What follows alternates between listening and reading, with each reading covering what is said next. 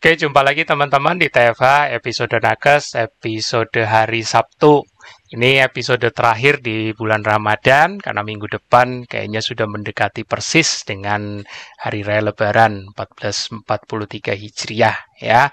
Jadi uh, jangan sampai terlupakan ya, jangan sampai terlewatkan episode terakhir ini. Tapi pastinya saya sapa dulu nih dengan Mas Tio. Halo Mas. Halo semua yang udah hadir. Nah, itu Mas Budi. Nah, episode uh. terakhir di bulan Ramadan. Nah, minggu depan udah terlalu mepet ya.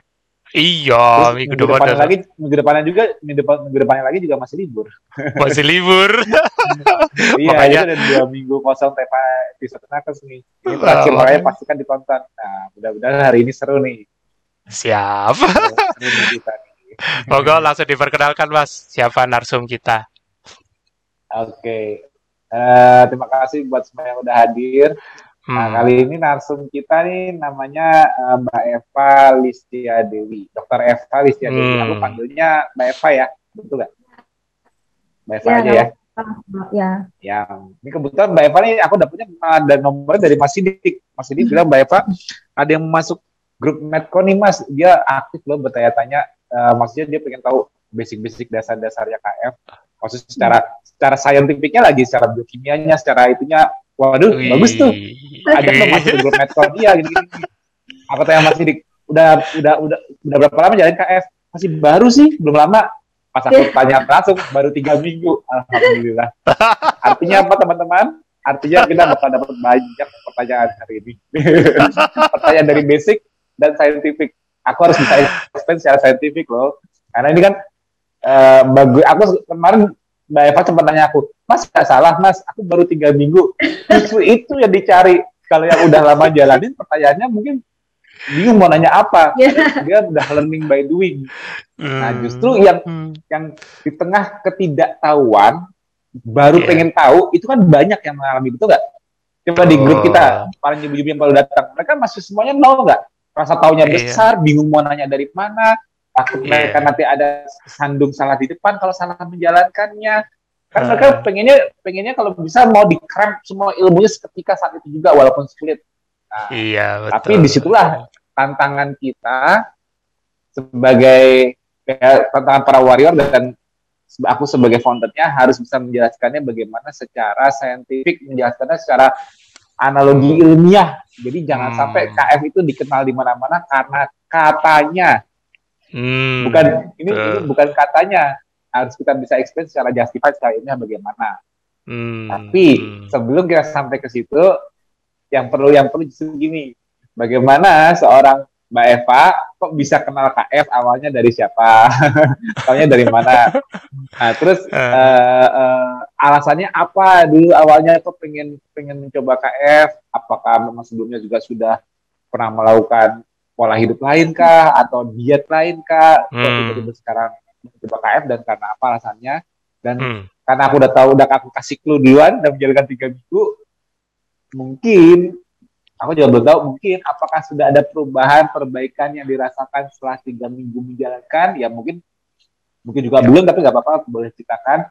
Terus mungkin juga apakah sudah ada respon tanggapan dari lingkungannya, dari sejawatnya melihat melihat perubahan pola hidupnya mungkin dari lingkungan keluarga. Misal misal kok mama nasinya nggak dicolek-colek nih misalnya atau misalnya ada respon dari keluarga atau dari lingkungan sejawat lagi hmm. pas buka buka hmm. bersama jadi pada bilang kalau nggak asik lo sekarang? Makannya lo begitu ya misalnya. Nah kalau misalnya ada itu monggo diceritakan juga respon di kelas Jawa. Dan abis itu barulah Mbak Eva memuaskan hasratnya untuk bertanya.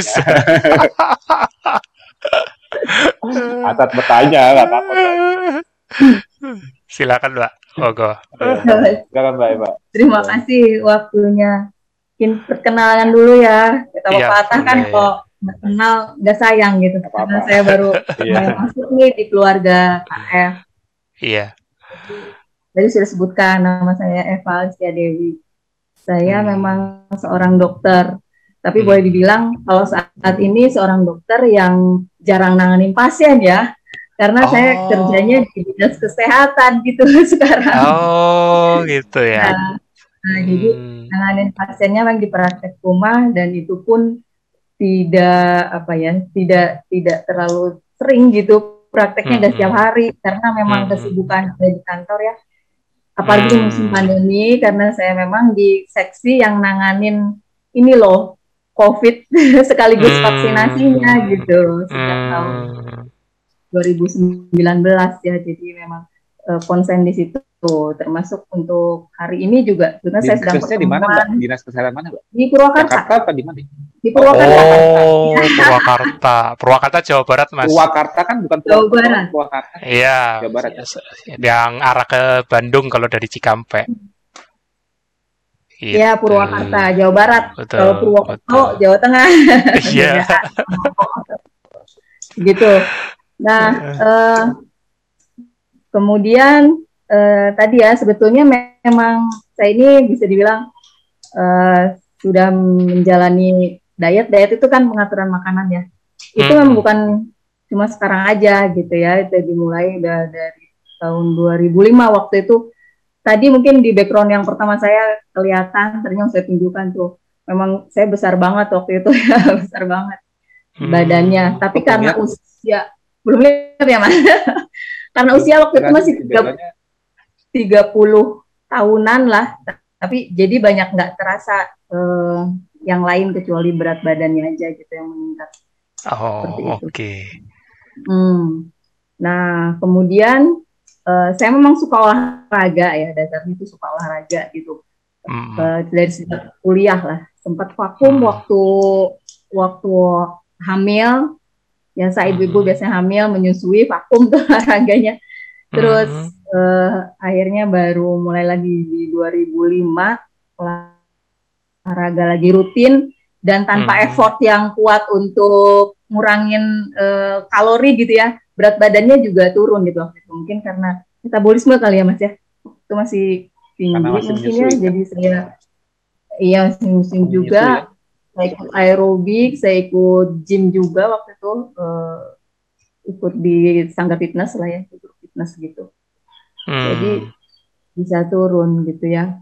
Kemudian eh, sering berjalan waktu, sempat vakum lagi, bosan. Hmm. Kemudian berat badannya juga eh, naik lagi gitu. Berat badannya naik lagi ketika usia 4, kepala 4 lah ya. Udah, udah kepala 4 gitu, naik lagi tuh berat badan. Seperti itu. Hmm. Dan dan plus bonusnya mulai banyak yang kerasa. Kalau di sesi Hmm. Eh, mulai yang terasa tuh sendi-sendi ya, yang pertama tuh yang duluan terasa. Sering linu-linu gitu, terus lutut, lutut. Ada Mas Ebi juga nih ya, apa saya kena cedera? Ini ya olahraga, aku pikir apa saya Hmm. squatnya salah. Jadi Hmm. lutut saya kalau pakai naik tangga itu sakit. Pakai naik Hmm, tangga hmm, sakit. hmm, hmm. Masuk ini jari-jari kecilnya. Nah, Oke. dari situ kemudian bi- biasa pemeriksaan kimia darah ya. Termasuk asam Hmm. urat.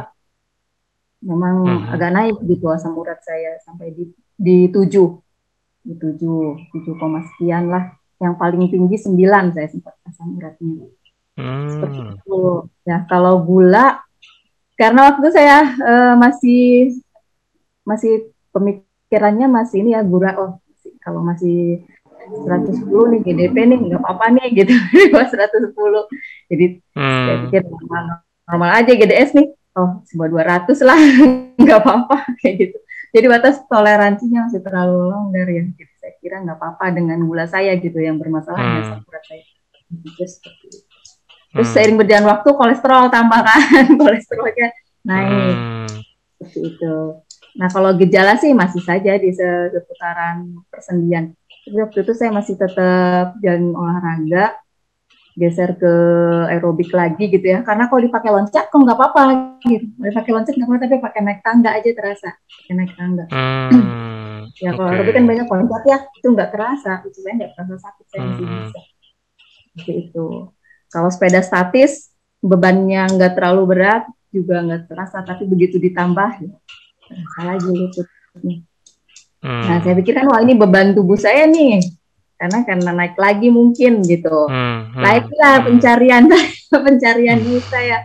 Wah, dari boleh disebutin kayak ya dari yang defisit kalori yang gitu ya, kemudian rest pernah dengar rest mas rest uh, yang digagas oleh siapa ya? Pokoknya adalah. Terus juga pernah juga yang pakai oh teh daun jati ya kan? Walaupun saya tenaga medis saya minum juga tuh kan daun jati lagi booming booming sempat itu. Itu maksudnya untuk untuk apa mbak? Daun jati kan untuk laksatif kan?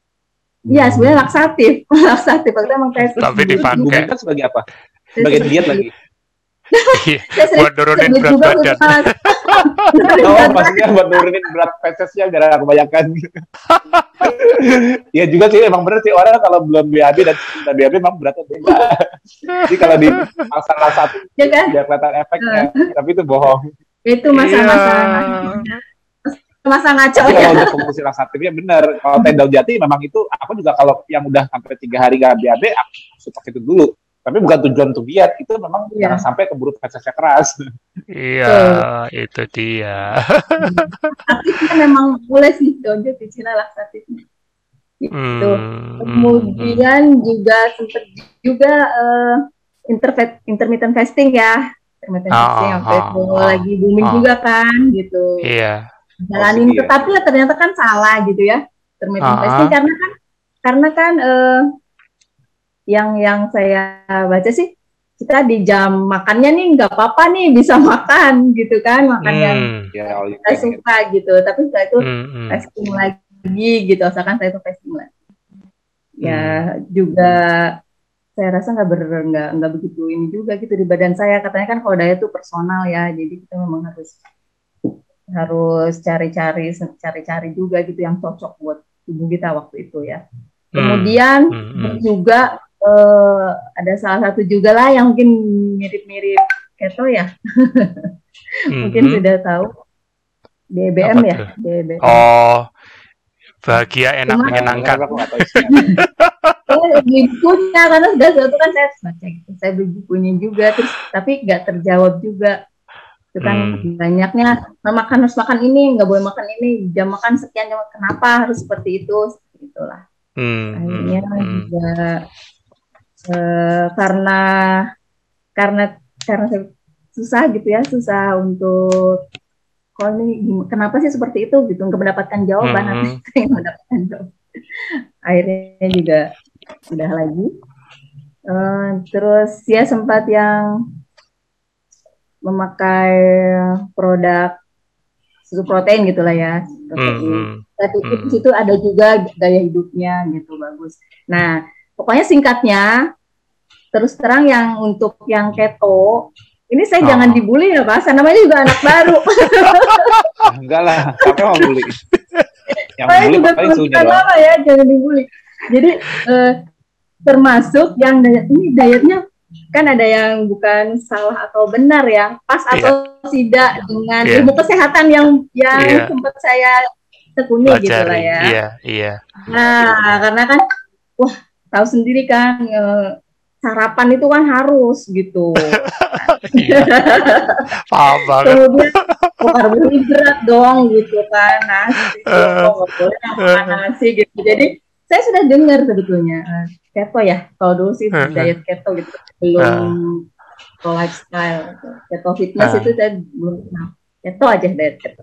Uh. Ya, jadi termasuk ini termasuk dietnya yang enggak sesuai nih gitu dengan ini yang terima jadi memang enggak enggak enggak dilirik gitu ya waktu itu enggak oh ini enggak deh gitu saya enggak hmm. mengikuti yang itu tanpa saya mendalami juga gitu ya hmm. tanpa saya baca-baca gitu nah kemudian uh, nah mulailah ya saya udah lihat kebetulan kok di berat badan saya yang katanya nggak terlalu berat segitu mah kata Mas Ebi hmm. tapi mulai muncul nih gejala yang lebih lagi gitu kalau tadinya cuma sendi-sendi rasa sakit nah di sini nih di bujari hmm. mulai muncul hubungan ini kan yeah. urat gitu kan oh. Nah, Oke. Okay. Topi ya, ada mulai ada topi nih. Sebelumnya lebih besar lagi meradang merah seperti hmm. itu hmm. sakit. ini ada apa nih? Nah kemudian uh, ngobrol-ngobrol, jadi masuk nih ke siapa yang memperkenalkan saya nih, uh, ah. terhadap Oh gitu ya. Ha. Nah ini terima kasih ini ada juga di grup sebetulnya di grup yang yang saya ikutin. Yang pertama memperkenalkan itu eh, atasan saya, Ibu Kabit. Oh, Ibu, Ibu Kabitnya, eh, kepala bidang, kepala bidang. Oh. Ya. Ibu Dokter Gigelita Sari hadir kayak di sini. Terima kasih. Bisa, eh, Nah, dari ngobrol-ngobrol ya, beliau kan eh, oh kita ini gitu, eh kita ini. Siapa Budi? saya? Namanya siapa? Ibu Kabitnya Mbak Eva? Eh, Dokter Gigi Elita Sari. Elita Sari. Ada Oh, ya, ya. Ada di grup. oh, ada di grup juga. Ya. Udah mau ditarik ke saya udah udah tahunan kalau beliau. Nah, Mbak, nanti kontaknya kasih ke aku. Jadi ntar habis Ya. lebaran nanti nextnya dia kita kita hidup. saya udah minta izin menyebut nama beliau di sini. Raffi Japik. Ya, jadi, eh, oh tapi kok begini-begini diskusi lah ya kita terus Eh. jadi tonton aja deh videonya Dr. Berg ya. Oh, nah, nonton Ya, Eric videonya. Hmm. Ya, dari situ kemudian saya pikir oh ya tapi saya perlu banyak pertanyaan nggak mungkin saya nuntut ke bertanya ke dokter Berg gitu. ya. Kemudian Ah. minta tolong ibu dimasukkan gitu dimasukkan. Selain beliau juga ada Dokter Nur Hayati mungkin pernah juga ya pernah juga Oh ya, Oh, iya. Nur Hayati. Nur Hayati yang di gitu. Ya. Sama-sama di Purwakarta juga. Iya. juga. Oh, Mbak Nur Hayati di Purwakarta ya? Iya di Purwakarta. Cuma beliau di rumah sakit, di rumah sakit. Ya, Oh. yang tadi yang, yang dokter yang kepala apa bidang apa? Kabit, kepala ya, bidang, di kepala bidang. kesehatan. Ah, ya aj- udah masuk ke grup Medcon belum? Ajakin masuk bahkan mana kasih linknya tuh? Eh, Kalau kasih ajak linknya juga. Kalau tidak Hah? salah sudah, tapi kalau tidak salah masuk masuk juga karena saya di Oh, udah masuk ya? ya oleh beliau. Oh ya. Oh iya, soalnya kalau grup Medcon itu kan khusus nakes-nakesnya. Hmm. Ya itu. Nah kemudian dari situ kan saya ikut ke dalam grupnya, grup WA ya. Nah Ah. bertemulah dengan Babe. Ah, Halo ah, Babe ah. selamat siang. Oh, sidik. Oh, Babe yang luar biasa. yang yang apa ya sabar jawab pertanyaan-pertanyaan saya. Oke, Gitu. oke, oke. Ya. Nah oleh Babe dikasih lah ya protokol. Kemudian tiga tuh PDF-nya saya ingat. Mohon Ah. maaf, yang satu belum selesai saya baca. Oh gitu. Jadi buat saya baca protokolnya ya. Oh, yang harus dipersiapkan ini ini ini. Kemudian Ah. baca dasarnya. Ya dari situ saya dasarnya apa sih? Eh, ada nggak ya materi lagi? Saya sama Bapak dikasih materi. Book banyak banget Iya. dari awal. Soalnya sebelum itu dikirim saya tuh sampai nyari-nyari di YouTube. Saya sampai dapat videonya Mas Tio Ah. loh yang di Malang. Oke. Dia Mas Tio, ingat nggak? Tahun Oh, 2008 kalau nggak salah. Banget ya. gitu ya. Ya, yang di situ Mas Tio bercerita tentang awal mulanya kenapa menemukan ini gitu. Ya kan? Yang cerita tentang mielin itu Mas Tio nah dari situ. Juga Oh, ya juga ada materi tentang eh, metabolismenya. Nah, ini masuk ya. Hmm, metabolismenya. gitu. hmm, hmm. Bagaimana sih keton menggantikan peran glukos gitu ya. Hmm, Nah, aku oke. pikir, ya nih dari mana ya? Ini biokimiawi banget sih ini dulu belajar kimia Harper ini bukunya masih bi- biokimiawi Harper yang jelimet kayak gitu kan siklus-siklusnya kan banyak di situ. Oh. Aku nggak bisa nggak bisa nyambungin itu waktu itu ya ya siklus Krebs, siklus asam lemak ya fatty acid ya kayak gitu aja gitu. Nggak diterapin ke badan aku sendiri. Bingung mau nerapinnya. Karena ilmu itu kan udah lama gitu aku dapetin. Oh ya, Eh. ya enggak enggak disambungin ke situ ya. Oh, berarti Hmm. baca doang aku nih gitu kan, baca buat dapet nilai doang berarti nih gitu. Penerapannya. Nilai doang. Kalau Mas Tio baca. Harper bukan?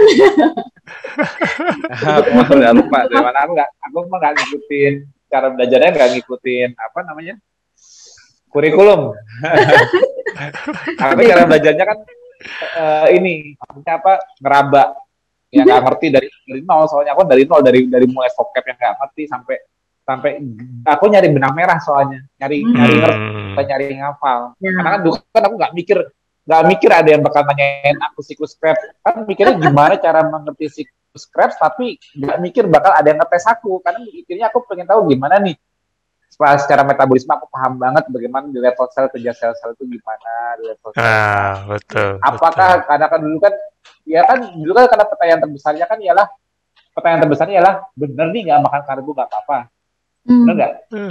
Ya. ya kan kalau sekarang kan sekarang kan banyak orang yang yang yang pertama kali ikut KKF pertanyaan paling basic ialah apa mbak bener nih nggak apa-apa makan karbo Ya. ya kan paling basic kan Ya. Karbo kan katanya sumber sebelum energi mereka- sebelum utama. mereka- Karbo sumber Iya, energi makanya utama. sebelum mereka bertanya itu pertanyaanku 13 tahun yang lalu. itu pertanyaanku 13 tahun yang lalu itu karena kenapa aku bertanya duluan? Karena ini buat anakku, bukan buat aku. Jadi aku harus tahu duluan tanpa ada yang ngajarin aku harus ngerti.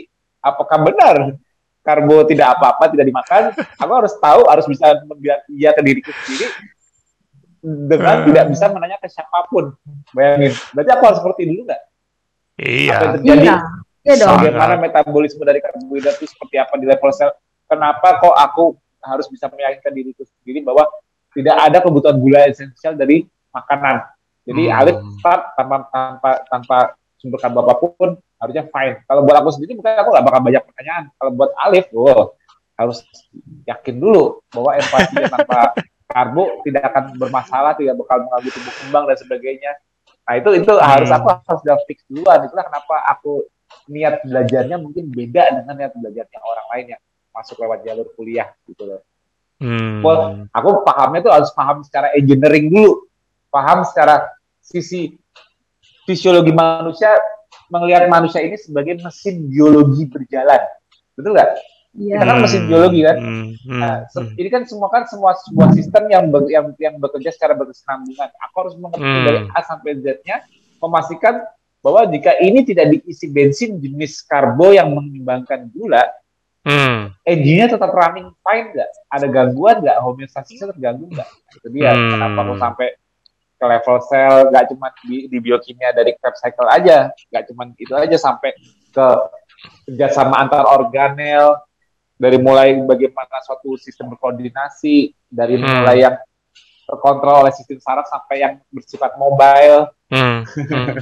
makanya itu semua harus bisa terbukti bahwa makanya aku berbadi bayangkan udah hampir 13 tahun udah makan karbo kelihatannya aku ke mana kurang gula kah kurang gula, kurang cabai mas. ya kalau cabai ya Aduh. berarti kalau kurang kalau, kalau cukup gula itu cabai kalau kurang gula itu Ah. virus ya Aduh. tapi, Tapi ya itu Mbak, yang yang, iya, yang benar, benar. mau tunjukin ke Mbak Eva bahwa kan Mbak Eva tadi sempat ngomong tuh kan orang kalau nyari apa dia nyari yang pas-pas pas-pasan buat apa tubuh dia yang Ya. cocok Hmm, kenapa? hmm. Karena kan Cocok-cocokan. personal gitu. Hmm. Salah satu metode yang cocok buat satu orang belum tentu cocok buat orang lain. Nah, Hmm. Kita itu, itu ilmu yang Mbak dapatkan di mana? eh gimana ya? Lupa saya pernah baca itu. Bagaimana kalau aku bilang yang mutlak harus cocok? Mutlak harus cocok. Kalau enggak nggak sampai. Nah, ini ya. Karena, karena orang orang selalu berpikir ini dia dulu cocok-cocokan. Sebetulnya ya cocok-cocokan. Sebetulnya yang mau dicocok itu sebetulnya cocok-cocokan selera. Hmm. Tapi kalau cocok-cocokan secara metabolisme itu tidak ada. Mutlak harus sifatnya hukumnya.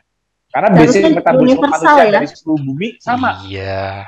Basic kita spesies kita kita semua sama. Jadi cara siklus Krebs di orang Indonesia sama siklus Krebs di orang bule beda nggak? Sama ya. Sama. Nggak ada. Jadi jadi jadi jadi kalau metabolisme itu adalah suatu hal yang mutlak. Kalau cocok-cocokan diet itu suatu hal yang berdasarkan selera. Hmm. Itu sebabnya. Jadi supaya Mbak yakin dalam jalan KF ini, Mbak harus tahu KF itu jangan sebagai suatu pola hidup yang diberi nama.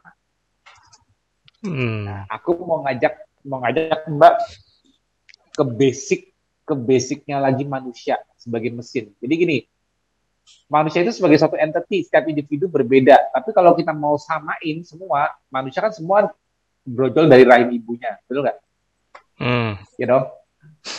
pasti pasti manusia terhadirkan dari samping dong, dari ibunya kan? Nah, Ya, nah itu basic metabolismenya. Nah, jadi kalau mbak udah paham itu, mbak nanti bakal ngerti kenapa kita harus melihat KF ini sebagai gaya hidup supaya ke depannya kita nggak bingung. Ah, aku nih kayaknya nggak Hmm. bener nih dietnya atau ini Hmm. pola hidupnya. Aku cari yang lain yang menurutku lebih cocok. Itu aja kan. Jadi kan Hmm. cocok itu kan agak satu kayak apa yang berarti oh, oh ini nggak cocok buat aku ini nggak cocok. Bagaimana kalau aku bilang sesuatu yang mutlak harus terjadi? Karena terlihatnya dari basic yang sangat basic. Karena untuk membuat aku bilang ya tidak makan karbo, aku harus tahu basic ini dulu soalnya. Nah, aku pengen membuat Mbak Eva ngerti basic banget. Hmm. Nah, desain manusia sebenarnya ialah manusia itu bukan tinggal di lingkungan di mana kita bisa memilih apa yang bisa kita makan sehingga kita bisa cocok-cocokan. itu nggak mbak? Basicnya manusia pertama kali taruh di bumi ya di basic di mana alam yang ngasih pilihan bukan kita yang memilih.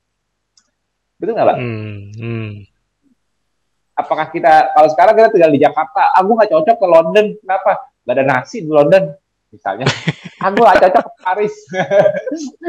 Alamnya nggak cocok, kenapa? Nggak sesuai selera gue. Itu kan kita bisa milih sekarang. Ya kan? Iya. Tapi Betul. basicnya manusia, kalau pertama kali di bumi, di masa lalu, jutaan tahun yang lalu, kita bisa milih nggak? Aduh, nggak cocok di hutan ini, tidak hutan sebelah yuk. Nggak kayak gitu. Cari oh, pindah pindah vegetasi sekalian kita nyebrang nyebrang laut dulu. Aku nggak cocok di sini. bisa nggak? Apa kita cuma pengen survival? Ayo, aku ngajak analogi paling dasar dulu. Mbak Eva online nggak? Online, online mas, tenang aja. online, Online. online. Online nggak, tenang. Bener nggak, Mbak?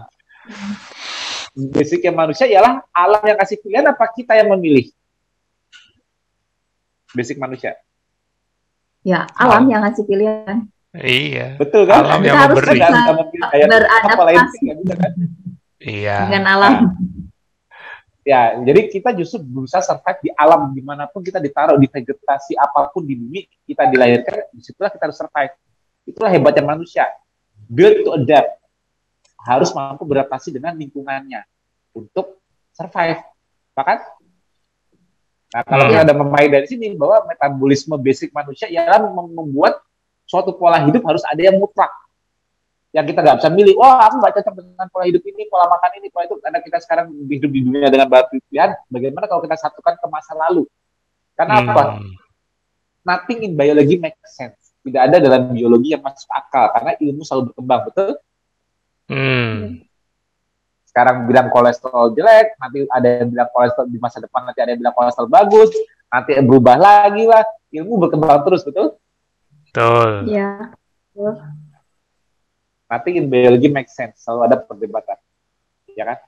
Except kecuali in the light of the evolution dari manusia itu sendiri. Kecuali kalau kita melihat historinya dari manusia itu sendiri, kenapa histori manusia tidak bisa dirubah? Sekarang kayak Hmm. tadi Mbak bilang, sarapan itu kan penting mas, ya kan? Apalagi di Dinkes pasti kan juga anjurannya ke masyarakat sarapan kan, betul nggak? sarapan sampai sampai ada ini kan pekan sarapan sehat. Ya kan? kan itu kan itu kan program ini benar emang benar di Dinkes ada mas Iya, ada ada program sarapan penting jangan nggak sarapan gitu loh Betul. dan itu kan program Ya. tapi kalau kita mau tarik benang merahnya lagi baru jadi jelas lagi kan nothing in biology make sense berubah Yap. terus tapi Yap. histori tidak bisa diubah makanya kalau Hmm. alam yang ngasih kita pilihan bukan kita yang memilih otomatis apa sarapan itu penting jadi begitu bangun pagi di alam liar wajib sarapan dulu bisa nggak kita Hmm. melakukan dengan mudah di alam liar Nggak di bisa. hutan, mbak-mbak terbangun di hutan, wajib sarapan dulu. Berarti kita wajib ada kulkas, wajib ada yang lewat nih bubur ayam kayak atau apa. wajib punya cadangan makanan simpanan yang bisa yang, yang bisa punya pengawetan bagus tanpa busuk bisa kita makan tiap pagi buat kita start cari makan. Hmm. Udah itu kalau di alam liar? Hmm. dengan teknologi yang Susah. Susah. Bisa kan? Nah, karena sifat makanan kalau alam alam yang menyediakan ya kamu cari di alamnya bukan bukan kita Hmm. milih kita cari dulu. Dari pagi kita harus bergerak. Hmm. benar nggak pak? Hmm. itu yang membuat sarapan tuh hampir tidak mungkin. Kenapa? Manusia energi tadi bilang energi utama manusia apa tadi mbak yang diajarin selama ini bapak ajari Karbo. karbo. Berarti untuk bertenaga harus makan karbo Ya. ya dong Hmm. ya berarti harus masuk gula Hmm. Betul dong? karbo itu kan artinya gula kan Ya. Enggak, nasi Ya. mas. Nasi itu gula. Enggak. gula. Enggak eh, nasi merah. Gula. Aku bakal tahu jawab kayak gitu terus apa? Karena aku tidak pernah bicara nama makanan. Aku bicara apa yang masuk ke dalam tubuh. Hmm. Karena kalau orang awam ngomonginnya nasi merah lebih bagus daripada nasi putih, ubi lebih Hmm. bagus daripada kentang kayak misalnya, atau apa lebih bagus apa, itu cuma nama. Dan debat gak ada habisnya. Hmm. Yang membuat satu lebih baik dari lainnya ialah penurunan glycemic index-nya. Artinya apa? Kadar gulanya Hmm. makin turun. Cuma itu doang. Tapi yang dimasukkan ke dalam tubuh yang menyeberang lewat usus tetap apa? Gula bukan? Gula kan? Ya. Kalau Ya. dibilang gula pasir itu jelek, kalau ubi bagus, nah ternyata apa? Cuma beda di glycemic index kan? Kecepatan masuknya gula kan? Tapi intinya Hmm. tetap gula kan? Ya. itu dia aku maksud. Berarti, berarti kalau ada yang bilang karbohidrat itu energi utama, berarti dia berusaha membicara secara fisiologi bahwa gula itu energi utama. Itu yang dia berusaha cerita. Hmm. Siapa pun yang, ngaj- yang ngajarin, mau dosennya kayak yang ngajarin bilang karbo itu penting untuk energi utama. Berarti dia berusaha bilang secara fisiologi, bukan nama makanan, gula itu energi utama. Itu flow Hmm. terbesarnya manusia. Flow-nya kalau sampai gula itu modalitas energi utama, itu flow-nya sangat berat. Hmm. Karena apa? Karena gula itu sifatnya tidak pernah lama-lama di darah setelah dimasukkan dari kibet, setelah dimasukkan dari mulut. Apa pun sumber gula yang dimakan tidak akan lama di darah. Bahkan kalau kalau di tenaga medis sudah ngerti kenapa perlu mengecek postprandial glikemia atau mengecek gula darah sewaktu. Tujuannya apa? Tujuannya apa? Gula darah Hmm. sewaktu. Tujuan untuk, kita untuk cek gula darah begitu makanan masuk gitu. ya, terus tujuannya dicek gula darah satu untuk supaya kita tahu apa? Gimana? Eh, gimana mas? apa yang mau kita ketahui dari seseorang dengan mengecek gula darah sewaktunya dia? Dengan mengecek gula darah sewaktunya, Apa Jadi, tahu? tahu respon dari apa insulinnya. Ingin tahu apakah dia toleransi dengan gula yang dimakannya atau enggak? Ya, kualitas Betul. insulin. Betul. Kalau yang makin bagus, gulanya naik apa turun? Kalau masih bagus, gulanya turun karena masuk ke ke sel.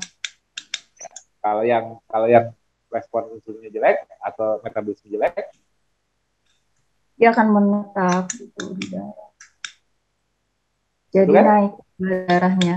Ya, jadi jadi tetap tinggi. Diharap- gula darah. jadi yang diharapkan untuk tetap sehat ialah gula darah yang kembali turun setelah makan gula sekalipun. Setuju? Iya. Setuju kan? Setuju dong? Ya.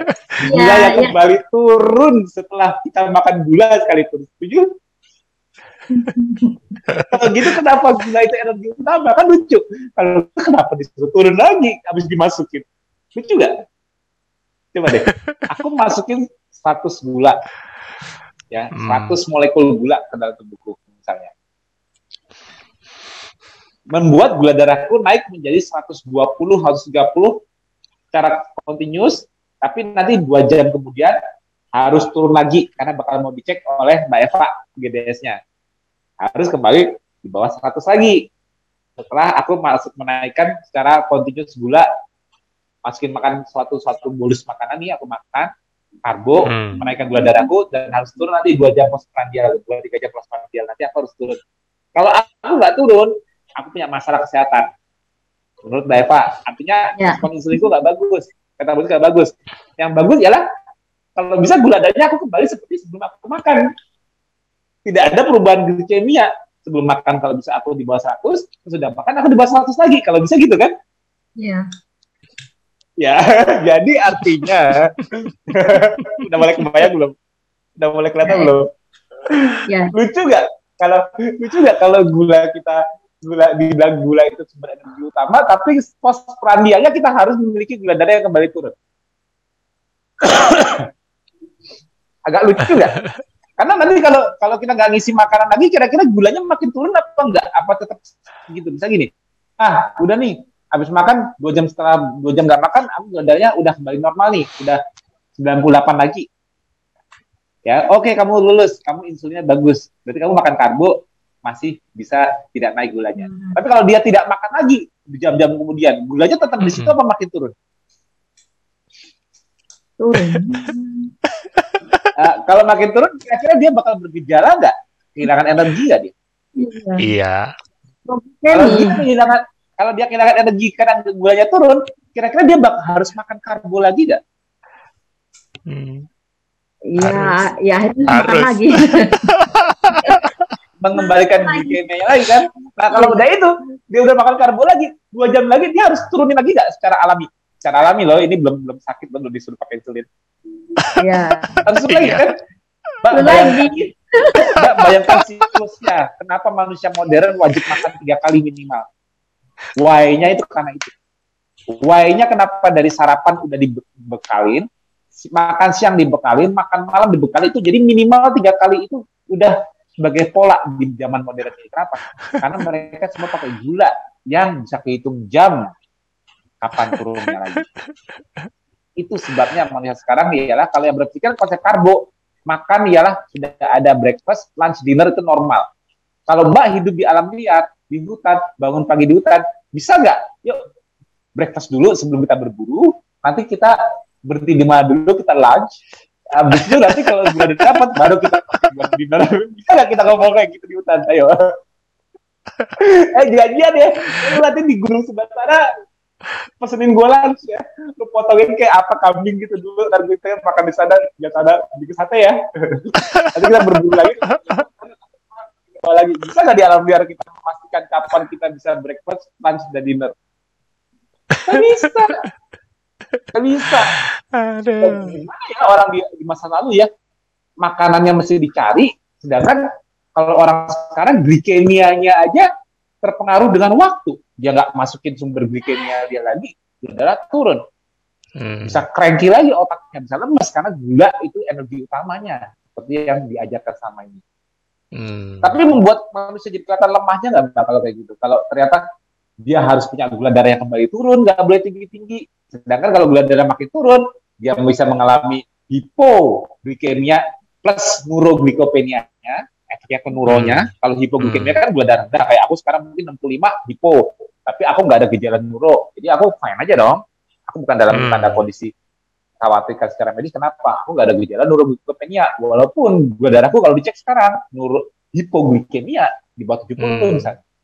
Hmm. Tapi aku nggak punya neuroglikopenia. Buktinya apa? Ini masih bawel. Ya dong, nggak mungkin orang neuroglikopenia, neuroglikopenia bawel kayak gini, gula darah rendah, nggak mungkin dong.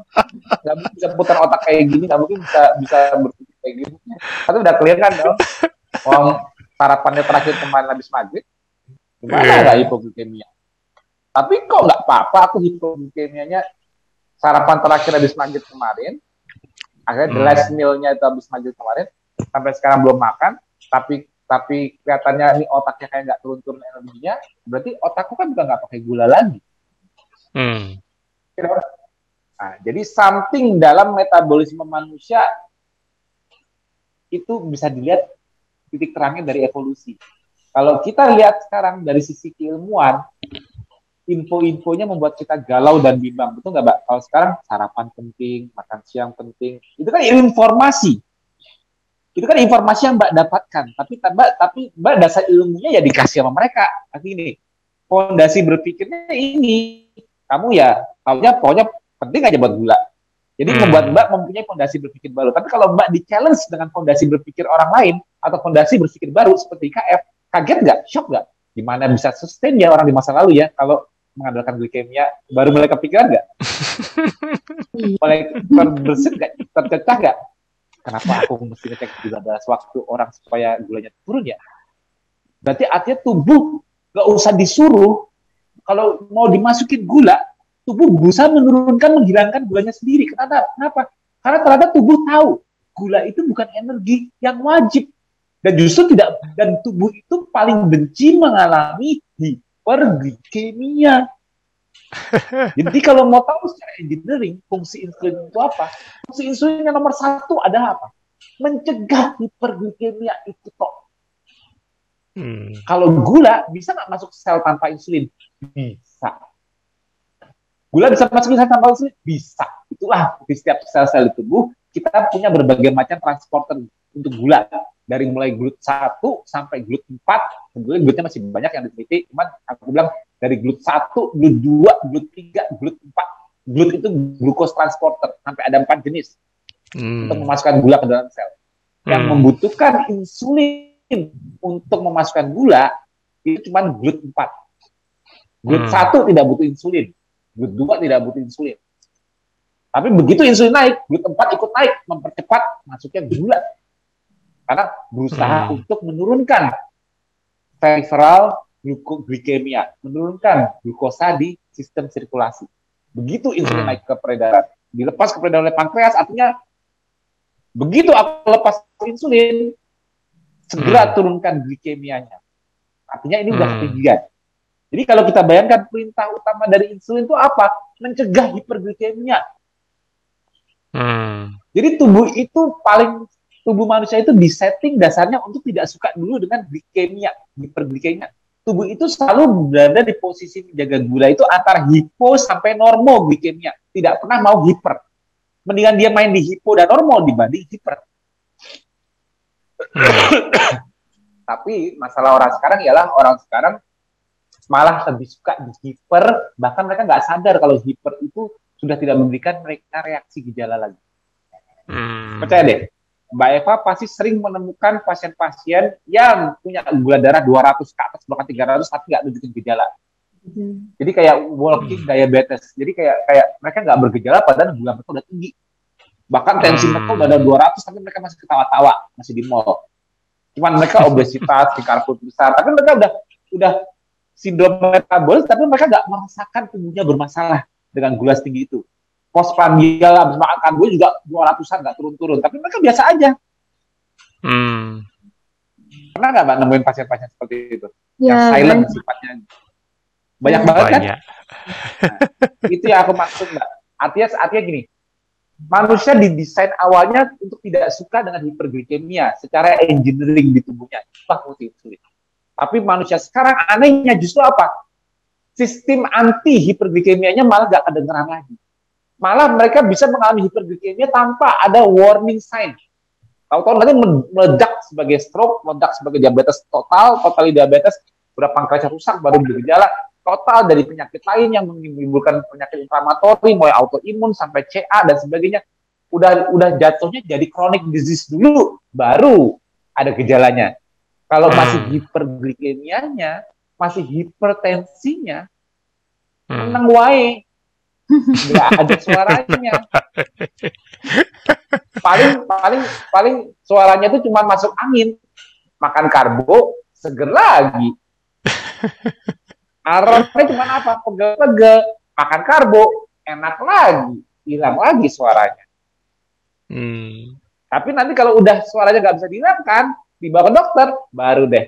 Selamat. Anda sudah punya penyakit kronis Artinya sudah menaun, sudah terjadi bertahun-tahun gejalanya, tapi diabaikan. Kenapa diabaikan? Karena hiperglikemia jadi tidak bisa memberikan siren suara siren. Hmm. Sirinenya nggak bunyi. Sama hmm. halnya dengan hipertensinya dan Mbak pasti sering menemukan ini. Yang nggak punya riwayat diabetes tiba-tiba udah gulanya lompat sekian. Nggak punya riwayat ini tiba-tiba udah sekian. Semuanya itu silent. Itulah karena suatu sistem hiperglikemia yang tidak lagi membuat hostnya merasakan. Hmm. Itu yang aku maksud mbak. Jadi jadi lucunya kalau kita menjustify bahwa karbohidrat energi utama, karbohidrat itu wajib, Kenapa Hmm. akhirnya malah menyebabkan kemunculan silent hyperglycemia di mana-mana? Berikut dengan si- silent metabolic syndrome di ujungnya nanti Iya. di Iya. mana-mana. Akibat efek silent hyperglycemia. Akibat kita mewajibkan diri kita makan karbo sebagai energi.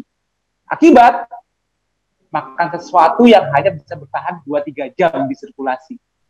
Harus turun lagi secara medis. Akibat yang udah, jelas, udah, udah bisa di-explain secara medis juga bahwa harus turun.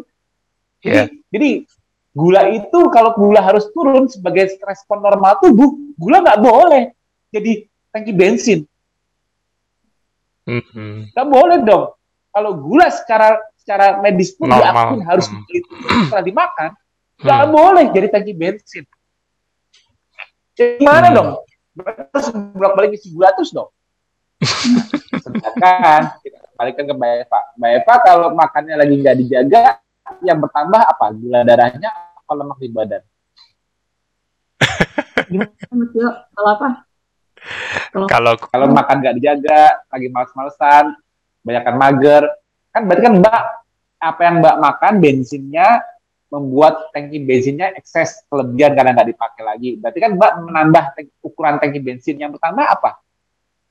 Gula darah apa lemak di badan?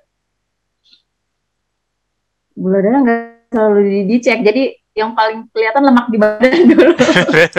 iya. Ya, oke. Itu kan yang pasti kan benar lemak kan?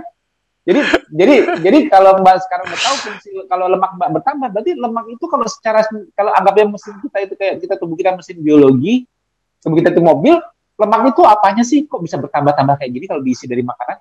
Berarti lemak itu Hmm. fungsinya sebagai apa sih coba? Tankinya tadi. Betul kan? Ah. Nah, kalau Mbak punya mobil, Mbak punya mobil, Tinggi balang bahan bakar. Hmm. ya kalau Mbak punya mobil, mobilnya mau jalanin mesinnya pakai pakai bensin sesaat apa ambil dari tangki bensin? Itu saat dulu dong. Nih, Mbak, kalau kalau kita bayangkan bahwa gula itu ialah bensin, berarti gini. Hmm. Pagi-pagi sebelum habis kita nyalain mobil di garasi, Mbak harus sedia 5 jerigen tangki bensin masukin. Sarapan dulu, baru mobil jalan. Nanti makan Hmm. siang, beli lagi pom bensin, isi bensin lagi. Nah, Hmm. nanti pas udah sampai balik ke rumah, isi bensin lagi, baru tidur. Tiga kali isi bensin. Dari pagi Hmm. sebelum jalan, isi bensin. Nah, itu kalau bensin mbak gula. Kalau bensin mbak lemak, bangun pagi, nyalain mobil, ke kantor, kerja, ke mana Hmm. kerja, bisa. nanti pulangnya, sebelum tidur, sebelum balik ke rumah, baru isi bensin. Sekali aja mungkin cukup. Hmm. Nah, Mbak sekarang pulangnya kalau ngisi bensin tiga kali sehari apa sekali sehari mobilnya atau motornya? Sekali. Berarti berarti pagi-pagi di pagi hari mobil Mbak atau motor Mbak harus bisa melihat tangki bensin nggak untuk ditarik kan udah ngisi kemarin. Hmm. Bukti kan gini. Mbak makan kebanyakan, Mbak makan kebanyakan kan jadi lemak. Lemak itu kan Hmm. tangki bensin. Nah, besok Hmm. Mbak mau pakai lagi untuk bergerak. Mbak harus makan dulu apa pengen ngambil dari tangki bensin yang udah diisi kemarin? Yang diisi kemarin. Sekarang masalahnya bisa apa enggak? Kan nggak bisa kalau masih belum ketosis. kan soalnya nanti ngambil walaupun saya udah menggemuk, tapi kalau saya nggak makan, saya lemes. Gimana dong? Berarti kan saya harus isi bensin dulu lagi tetap. Agak, agak, Hmm. agak konyol nggak? Kalau dari desainnya maksudnya jadi konyol nggak kalau seperti itu? Konyol nggak kalau manusia harus isi karbo dulu? Padahal tangki bensin dia melimpah atau bahkan mbak melihat se- sebuah truk bensin 200 kilo yang udah obesitas parah masih teriak kelaparan, malas gerak loh. Itu bensin sebanyak itu mau dikemanain? Masa dia nggak bisa maksa dengan berat 200 kilo dia nggak bisa mengakses mengakses sebanyak itu? Kan agak suatu kekonyolan kan? Hmm. Hanya sampai dia obes super obesitas 200 kilo tapi dia tetap yang dimakan ialah apa? Nasi, kue, apa, teh manis untuk membuat dia bernaga. Padahal yang dia simpan apa? Bukan gula. Walaupun nasi, kue, teh manis yang dia makan terus. Yang dia simpan apa? Lemak bukan? Ya. Hmm. Berarti Betul. tubuh berarti tubuh manusia kalau mau menyimpan di tangki bensin nyimpannya dalam bentuk gula apa dalam bentuk lemak? Aku tanya. Dalam bentuk lemak. Lemak kan? Ya, Iya. lemak. Jadi cara secara cara cara secara biologi manusia jenis bahan bakar yang bisa disimpan secara aman dalam jumlah besar Hmm. sebelum merusak sistem itu menyimpan lemak apa menyimpan gula lemak. lebih baik lebih baik 200 kilo lemak di badan dibawa jalan-jalan apa apa gula darah 500 dibawa jalan-jalan ke mana-mana eh, mana yang lebih cepat berbahaya ya Yang lebih berbahaya yang gulanya ya besar. sebenarnya sudah 500 nggak turun-turun kan Iya. ya berarti berarti tubuh lebih pilih amannya nyimpan dalam bentuk lemak nggak Ya. Hmm. ya berarti sepakat kan sepakat kita kita sepakatin lagi dari yang bisa kita lihat di, di muka bumi saat ini gak usah ke ancestral kan sekarang kira-kira kalau bayi baru lahir ke muka bumi dari rahim ibunya bekal tangki bensin dia apa yang dibawa pas dia lahir? Lemak banyak kan jaringan lemak di badan bayi. itu kan? Nggak ada mbak nggak pernah lihat bayi terlahir six pack kan? Kan? Six bayi six pack gitu? Nggak ada kan? Terlahir bawa pohon gula mas. Iya. Terlahir, terlahir dengan kondisi diabetes nggak ada kan? Makanya yang aku bilang Hmm. tuh adipositas itu jadi jadi berarti bayi terlahir dibekali dengan tangki bensin supaya kalau asinya pun belum keluar kira-kira langsung diburu-buru dikasih teh manis nggak? Misalnya ibunya nih dua tiga hari nih asinya belum keluar keluar, anaknya Hmm. buru-buru dikasih teh manis nggak mbak? Kira-kira? Enggak, enggak dianjurkan. Hmm. Masih aman. Itu tidak dianjurkan. Masih Ya, aman. tapi kalau sekarang ya oke itu bayi loh ya. Tapi kalau Mbak ada teman Mbak nih di kantor gejala hipoglikemia, padahal kemarin udah makan cuma hari doang nggak bisa makan, nggak usah tiga hari sampai kayak bayi yang baru lahir. Langsung Mbak suruh kasih apa coba? Coba jujur. Kasih yang manis bukan. Apa Mbak nih di kantor? Keliangan pusing, lemes. Baru telat, baru nggak pagi deh, baru pagi nggak makan, nggak usah nggak usah simulasi bayi tiga hari nggak usah dikasih kasih manis nggak apa-apa kata mbak nggak apa-apa bayi tiga hari kasih manis nggak apa-apa masih aman walaupun dia baru brojol ibunya belum keluar aslinya nggak apa-apa. Tapi kalau Hmm. temen mbak teman kantor atau siapa atau mbak sendiri pusing gara-gara telat makan di pagi hari tebak. Kira-kira mbak diwajibkan minum apa? Yo Teh manis. yo. Oke, manis juga. Ya, manis. teh manis kan lucu? Ada kok nggak merasa nggak merasa anjuran kontra nih kok kontra ya? Kok bayi nggak apa-apa? Padahal bayi itu paling krusial tapi dianggap nggak apa-apa secara medis. Tapi kalau orang dewasa disuruh buru-buru ini kamu gara-gara telat makan. Ini kamu gara-gara gak makan karbo. Terus tapi secara medis kita kalau melihat bayi lahir tiga Iya. hari gak dikasih asi gak ada tuh yang berusaha ngasih teh manis. Dari situ udah mulai lihat nggak? Kok ada kayak ada dua dua kebenaran yang saling berbeda dan ditutup-tutupi nih saya jadi nggak ngerti nih anjuran-anjurannya nih benar nggak itulah yang aku bilang kenapa karena bayi masih bisa mengakses lemak di badannya sendiri sehingga Hmm. dia tidak mengalami gejala neuroglikopenia yang membutuhkan teh manis Hmm. Hmm. Mau tahu nggak Mbak? Kira-kira bayi kenapa tidak mengalami? Oh iya, ini aku mau tanya. Mbak udah pernah belum ada yang ngecek gula darah bayi-bayi yang baru lahir di bawah satu bulan? Pernah Hmm. pernah dengar nggak? Pernah Mbak tahu nggak? Tahu nggak tuh rata-rata gula darahnya berapa? Tahu nggak pas neonatal? Natal. Saya nggak di bawah 80. Saya nggak cari pediatrik ya. Cari pokoknya, pokoknya cari pediatrik atau yang memegang anak. Kalau mereka pernah kontrol anak bayi langsung yang masih neonatal rata-rata gula darahnya itu besarnya gula darah hipo semua 60-an 70-an Hmm. Hmm. itu gula darah bayi-bayi yang baru. Berarti artinya mereka tidak mengandalkan gula untuk energinya dan mereka lemak di badannya sangat diandalkan untuk sumber energinya. Berarti otaknya pakai apa kalau gitu? Otak kan nggak bisa pakai lemak langsung. Berarti otaknya pakai apa di para bayi? Keton katanya, Mas. Iya. Exactly. Ya betul. kalau otaknya pakai otaknya bayi, otaknya bayi itu pakai keton, ya otaknya bayi itu pakai keton yang Hmm. keton merupakan keton itu kan merupakan hasil transaksi lemak agar bisa dikenali otak sebagai energi karena otak nggak bisa pakai lemak langsung Ah, dia harus pakai antara keton atau gula. Sedangkan gula nggak mungkin di kondisi bayi yang mengalami hipoglikemia hmm, tanpa gejala. Ya kan betul. Berarti bayi menggunakan keton itu artinya bayi itu mengalami fisiologi apa sejak dia lahir? Fisiologi apa yang dia miliki sejak lahir? Yogi. Fisiologi di mana tubuh menghasilkan keton sebutnya namanya apa? Ketosis. Mbak Eva berasa disidang, Mas.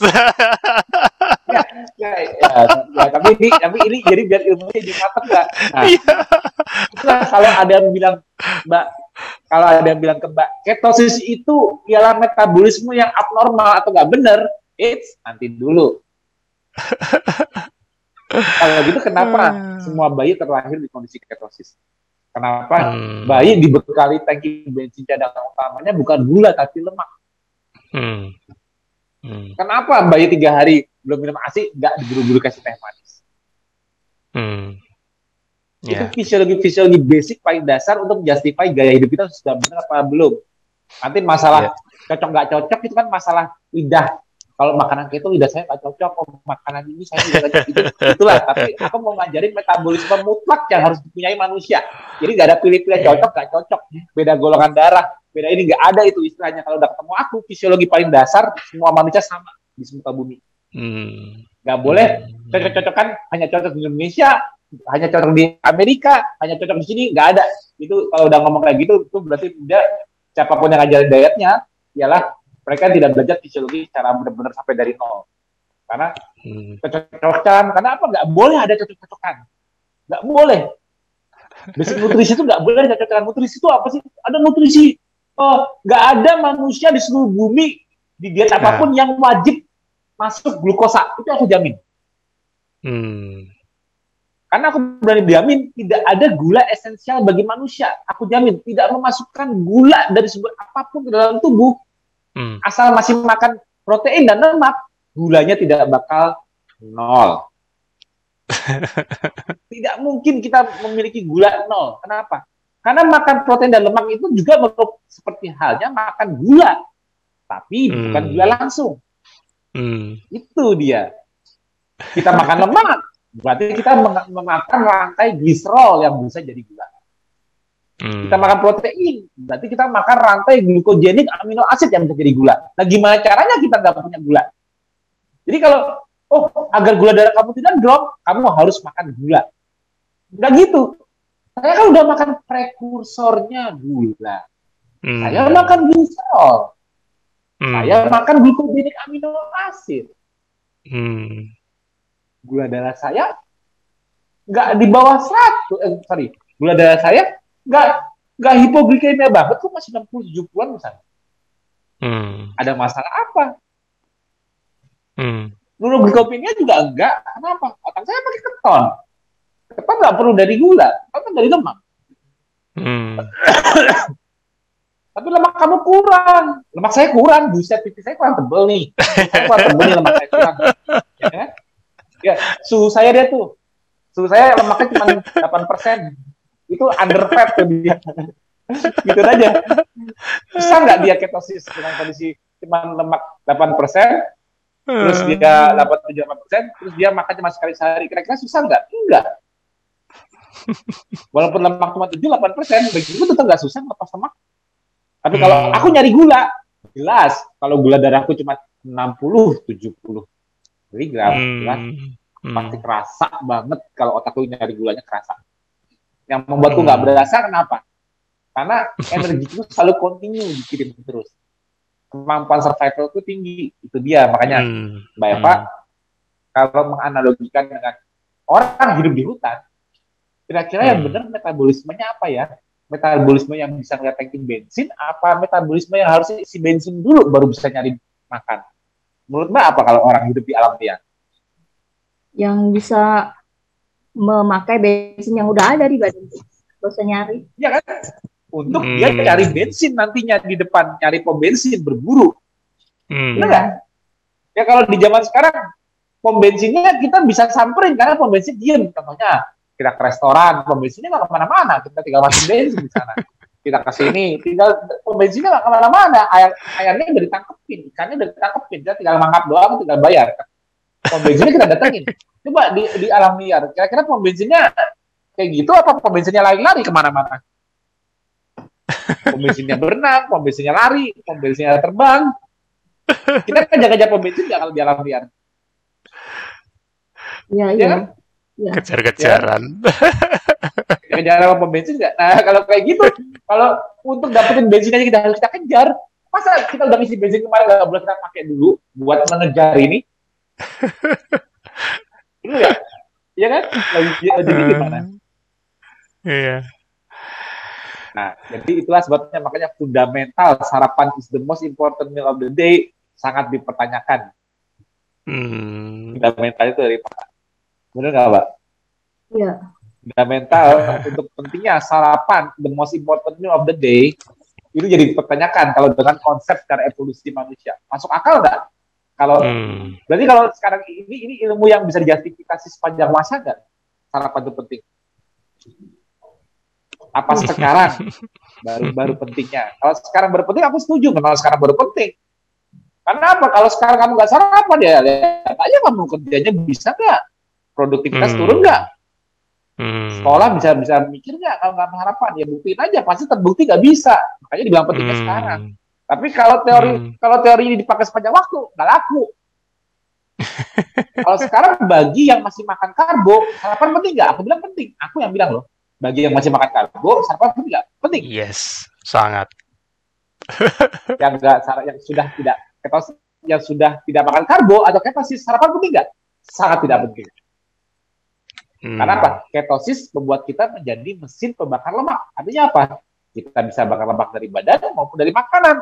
Nah kalau bangun di pagi hari, anggap aja kita nyalain mobil di garasi, melek, kita juga melek dari tempat tidur. Greng.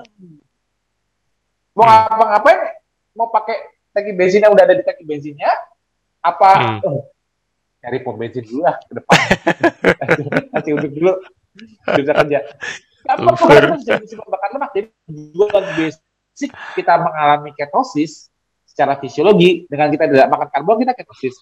Hmm. Artinya kita bisa mengenali tangki bensin kita sendiri. Itu basicnya. Itu yang diinginkan. Kita menjadi mesin pembakar lemak. Hmm. Nah, Pak, sekarang pikirkan lagi. Mau nggak memiliki metabolisme mesin pembakar lemak? Sesuai dengan fitrahnya manusia nggak kalau seperti ini? Makanya Hmm. Mbak pikir dulu, fitrahnya manusia itu yang benar bakar gula apa bakar lemak ya? Nah, coba Mbak pikirkan sebentar. Aku, aku sorry, aku sebentar aja. Mas Budi lanjut dulu. Terlalu semangat. Still. Mind blowing ya, Mbak ya. Eva. Tio, Mas Tio kemarin makan apa ya? Oh semangat banget. ya, ya itu ya kadang-kadang sering juga itu. Orang kalau karena karena amazed, karena nggak pernah ngalamin kondisi itu, jadi eh, asosiasinya ke makan apa ya? Kok bisa kayak gitu? Minum apa ya? Padahal ini murni fisiologi gitu kan. Tahun. Oh, oh. jadi jadi kalau tubuhnya udah bisa ngakses tangki bensinnya ya ya akan jadi seperti kita-kita nih ibaratnya. Nggak lagi buru-buru harus makan ya kan? Ngisi bensin dulu itu tapi dulu di eh, apa ini tiga minggu yang lalu kan Mbak Mbak Eva udah tiga minggu ya ber-KF-nya ya. Itu kalau dulu memang ya namanya makan itu suatu suatu kewajiban ya mbak ya dulu ya kalau nggak makan kan senggol bacok ibaratnya ya Iya, walaupun terus makanannya itu eh, memang udah mulai bergeser sih, nggak nasi gitu kan ya. oh eh, Ya, tetap makan gitu kan, pakai Eh. oat lah kayak gitu. oh ya, tetap tapi tetap juga ya berasa juga ya jadi yang benar-benar dirasakan setelah setelah ini eh, setelah udah jalanin KF itu perbedaan mendasarnya itu dong yang terasa banget ya langsung kayak wah nggak nggak lapar atau gimana mbak yang terasa pertama kali? Iya. Kalau yang terasa pertama kali, ya karena memang pakai itu juga mungkin ya. Sebelum Hmm. memulai harus ada amunisinya. Hmm, Jadi- hmm, hmm. Saya juga sebutin, ya memang nggak kerasa lapar sih. Dan memang betul nggak nggak ngejar-ngejar sarapan itu tadi. itu yang bikin lemes. Apalagi begitu Terus, amunisinya udah dilepas. Iya, Mas. Apalagi Ya, begitu mana? Ya, amunisi kita lepas. Nah, nanti nanti coba aja, Mbak. Kalau amunisi sudah bisa dilepas, Mbak bisa lebih amazed lagi sama fisiologi tubuhnya gitu kan, adaptasinya. Iya. Kan fungsi amunisi kan untuk membantu transisi gitu. Ya, termasuk transisi adaptasi. Oh, oh. Ya. Nah, jadi, oh ya, oh ya, oh ya, aku belum sampai nanya ini. Yang tadi Mbak belum cerita tuh. Nah, dalam tiga minggu Mbak sudah menjalankan ini, apa ada yang sudah dirasakan belum? Tadi barusan. Apa? Aku, Dijawab. aku, aku sama nih. Eh. Apa? Aku belum dengar. Apa, Mas? Tadi ceritanya gimana? Bangun bangun pagi tuh nggak nggak langsung lapar lapar ya bangun pagi ya. Iya, kalau aku lapar. Oke. Ya, kemudian ada tiga minggu udah ada lah eh, tadi proses pembakaran makan kan udah terjadi ya. Sepertinya Eh. nih. Dan Hmm. memang ya sih berat badan kalau dari kalau dari sisi berat badan udah turun. Hmm. Itu. Tadi, Mbak, Hmm. yang aku paling penasaran paling tanya nih, yang pengen nanya. Ada perubahan di jam tidur nggak? Kerasa kayak lebih cepat ngantuk nggak kalau malam hari? Iya, Betul nggak? Jujur.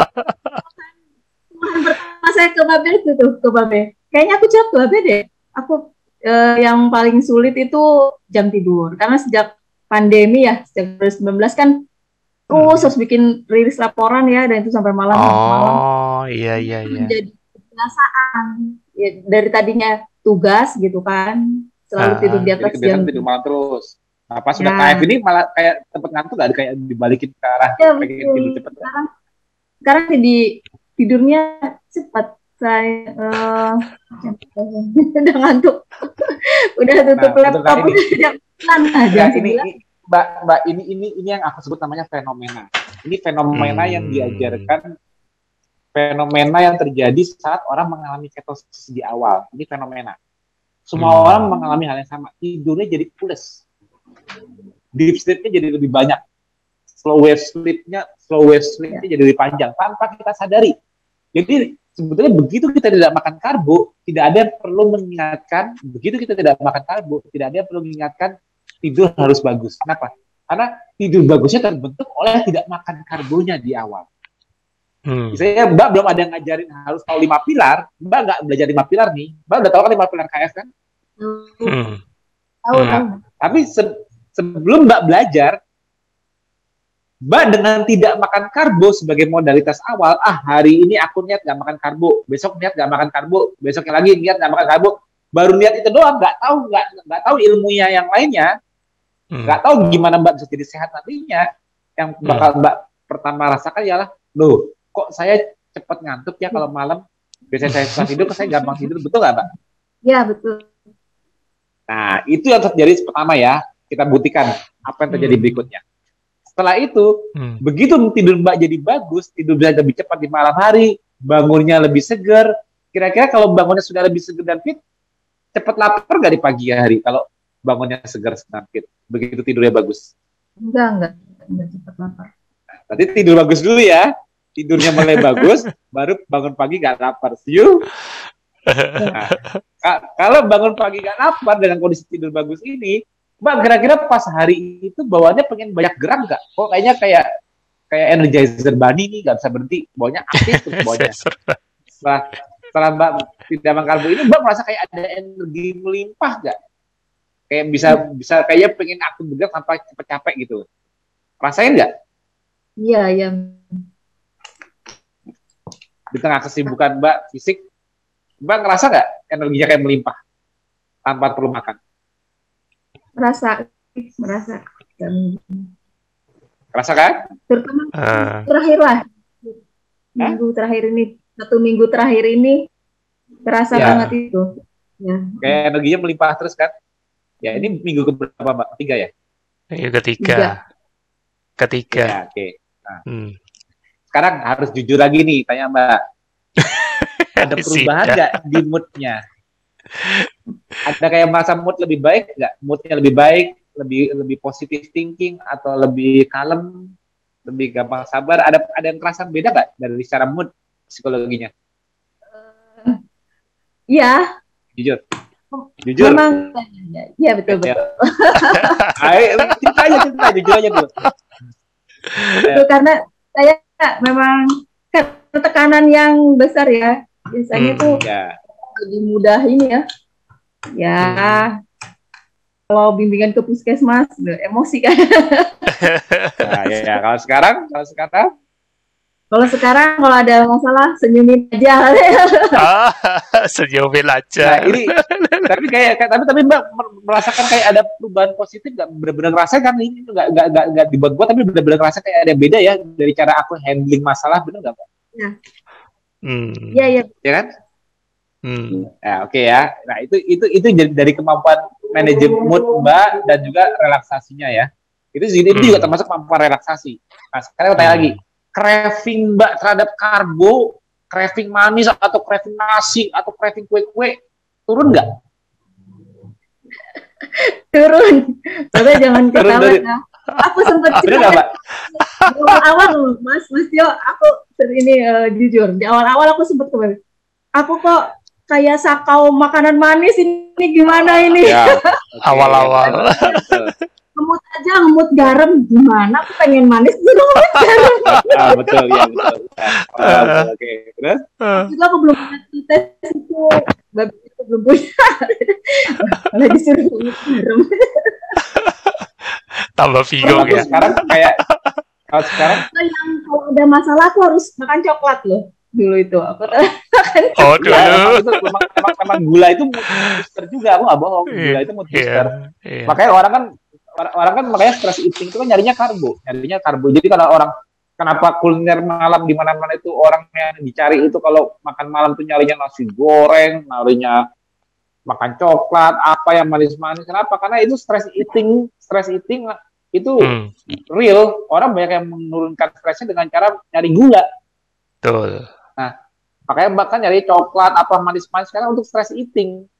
Nah, sama aja kayak orang kayak jantung berdebar, mual apa buru-burunya itu kan gejala stres di tubuh. Hmm. Berdebar, mual, anxiety. Kenapa mereka orang-orang langsung nyarinya teh manis? Karena kan mereka nurunin stres di tubuhnya dengan cara itu bisanya. Kalau masukkan gula cepat. Ya dong. Ya dong. Ya, betul. Kalau enggak apa yang diturunkan? Ya kan emang berdebar itu apa kalau bukan stres tubuh? ya kan? Nah itu dia makanya jawaban singkatnya selalu gula. Nah sekarang aku tanya, Mbak, kemampuan menurunkan craving gulanya udah bagus belum? Udah kayak kok aku nggak terlalu nyari nasi lagi ya? Kok kayaknya nggak terlalu gimana gitu harus nasi kayak dulu atau roti harus tepung-tepungan harus wajib gitu? Nah, Enggak, kayaknya sekarang udah biasa aja nggak? ya, Hmm. iya loh. Eh, aku mau sedikit eh, sombong, sedikit sombong. Nah, dari kemarin ya, saya udah cerita ke Mas Bobi ya, saya ada pertemuan, Iya. gitu kan. Ada pertemuannya gitu, pertemuan di hotel nih kebetulan. Tahu sendiri kan makanan di hotel kayak apa gitu kan. Di hotel nih. Iya, lagi di tengah-tengah ini, Mas. Event. Oh, Buka kemarin kan tawarin nasi putih atau nasi merah, ya kan? Kalau dulu kan nasi merah dong sehat. Iya, merah. iya. Sekarang, hmm, nggak pakai nasi. What? Kaget kan? Sekalian Enggak, reaksi. sekarang gini, sekarang piring putih. Jadi, Very good. biar putihnya kelihatan dan nasi itu kosongin aja piring putih aja piringnya lauknya tetap begitu aja piring ya langsung aja lauknya tapi piring. iya memang yang agak ini lauknya kan aku aku kan nggak bisa eh, aku nggak go food sih emang salahnya itu Hmm. Ya. jadi lauknya yang pakai bumbu Oh, Pakai bumbu.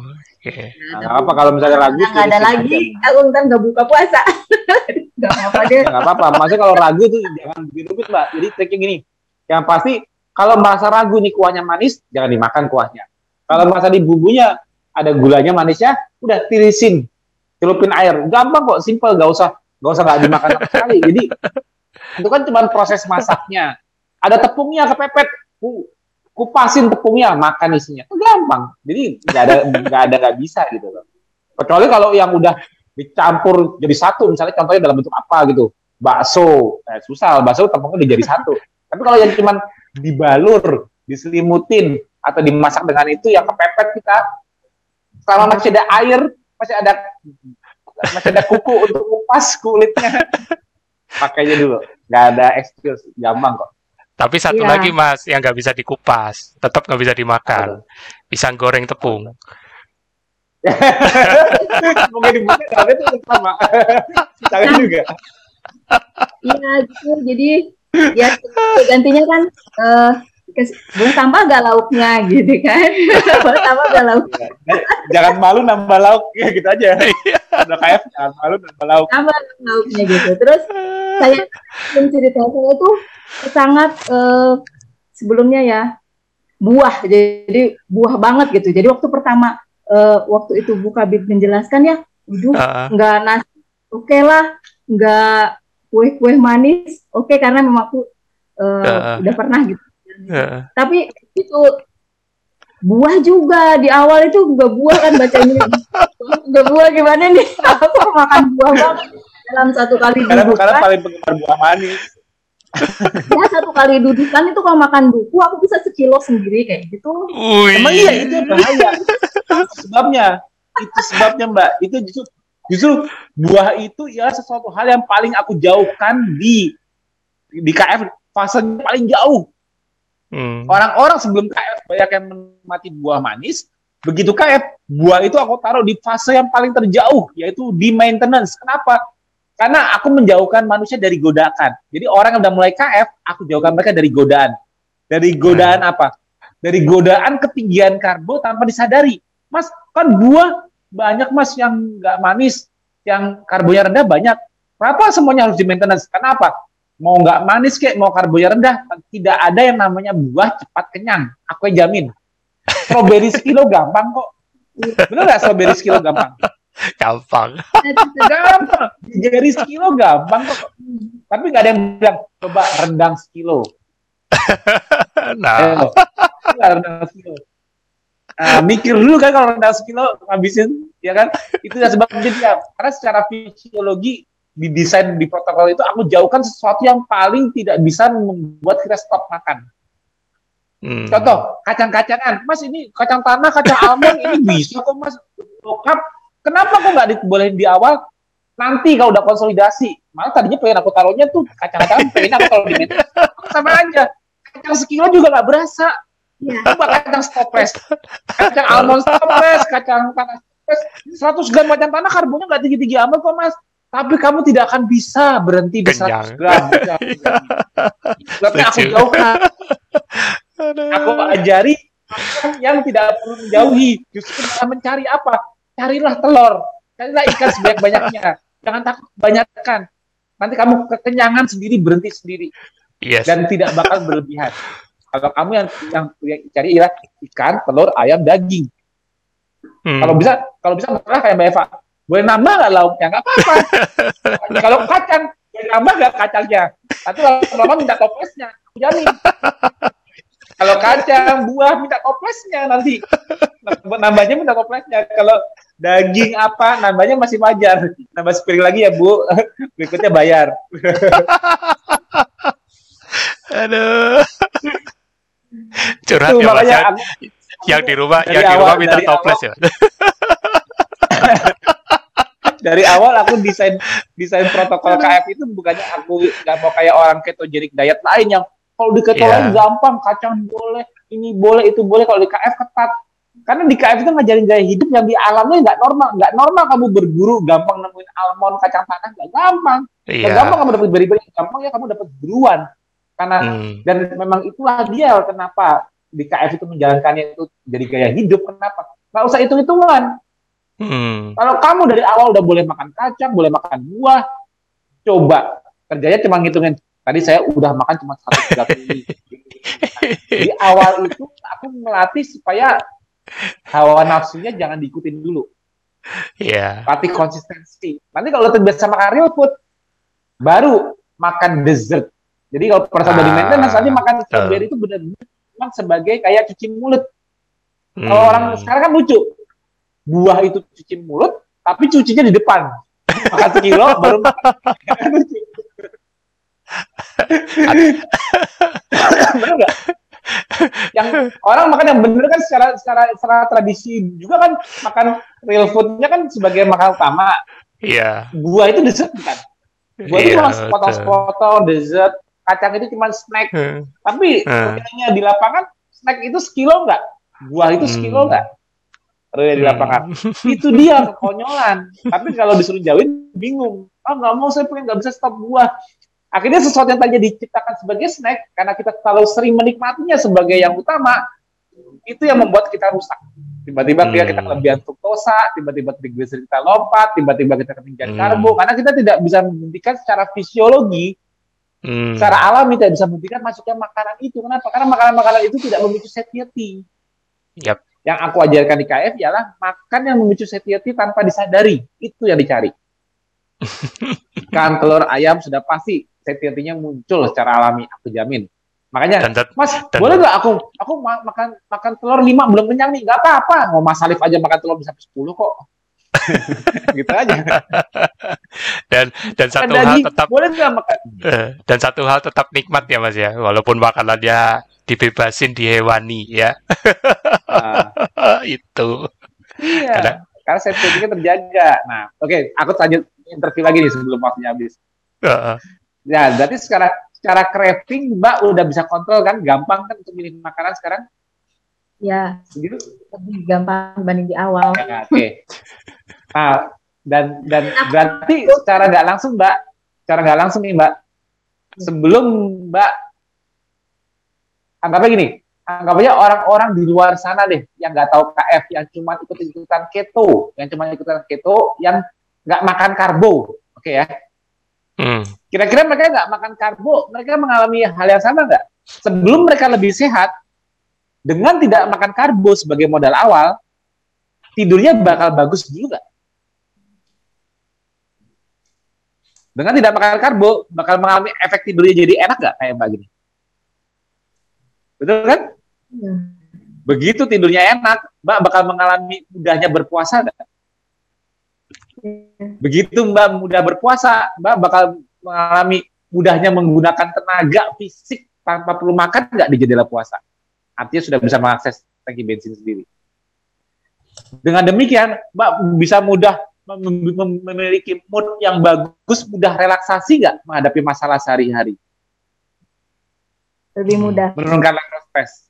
Hmm. Dengan seperti ini, Pak lebih mudah bijak dalam memilih makanan nggak? Nggak craving lagi, nggak semua hajar, nggak kayak dulu lagi lebih bisa, lebih punya kayak punya self control, kontrol diri terhadap makanan lebih kuat nggak dibanding dulu? Ya. Dulu kayaknya, aduh, nggak kuat, gue cheating deh, cheating gampang cheating, gampang ini gitu loh. Kalau Hmm. sekarang kayak punya self control gitu, loh. betul nggak? Iya betul. Dulu kalau ada masalah kan Akhirnya kembali, manis. Kalau dulu kalau ada masalah cari coklat, minum minuman manis. Hmm. ya. Nah, iya, akhirnya nanti Mbak lima pilar ini terbentuk sebagai gaya hidup Mbak sehari-hari. Ini terbentuk Mbak. Hmm. Jadi yang yang Mbak alami ini kuncinya agar Mbak nanti ke depannya tidak pernah kesandung selama menjalani KF. Jangan Hmm. jangan lupa insting dasar yang dimunculkan tanpa ilmu. Hmm. Karena kalau kalau kalau orang-orang yang ketosis ini terjadi di masa lalu di alam liar, mereka nggak ada nggak- mereka nggak pernah ikut TFH. Mereka nggak ada yang bisa di aku. Mereka nggak ada yang pernah tahu apa itu lima pilar. Tapi kesamaan mereka yang tinggal di alam liar ialah mereka tinggal di hutan ialah mereka tidak bisa mudah makan karbo. Sepakat? Hmm.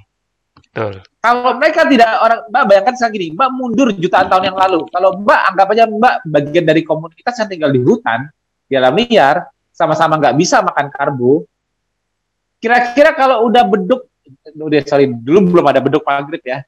Kalau matahari sudah tergelincir, sudah Hmm. berwarna merah di langit, kira-kira orang-orang di hutan mau tidur jam berapa? Ada yang perlu mereka tahu. Tidur harus sebelum jam 8 malam.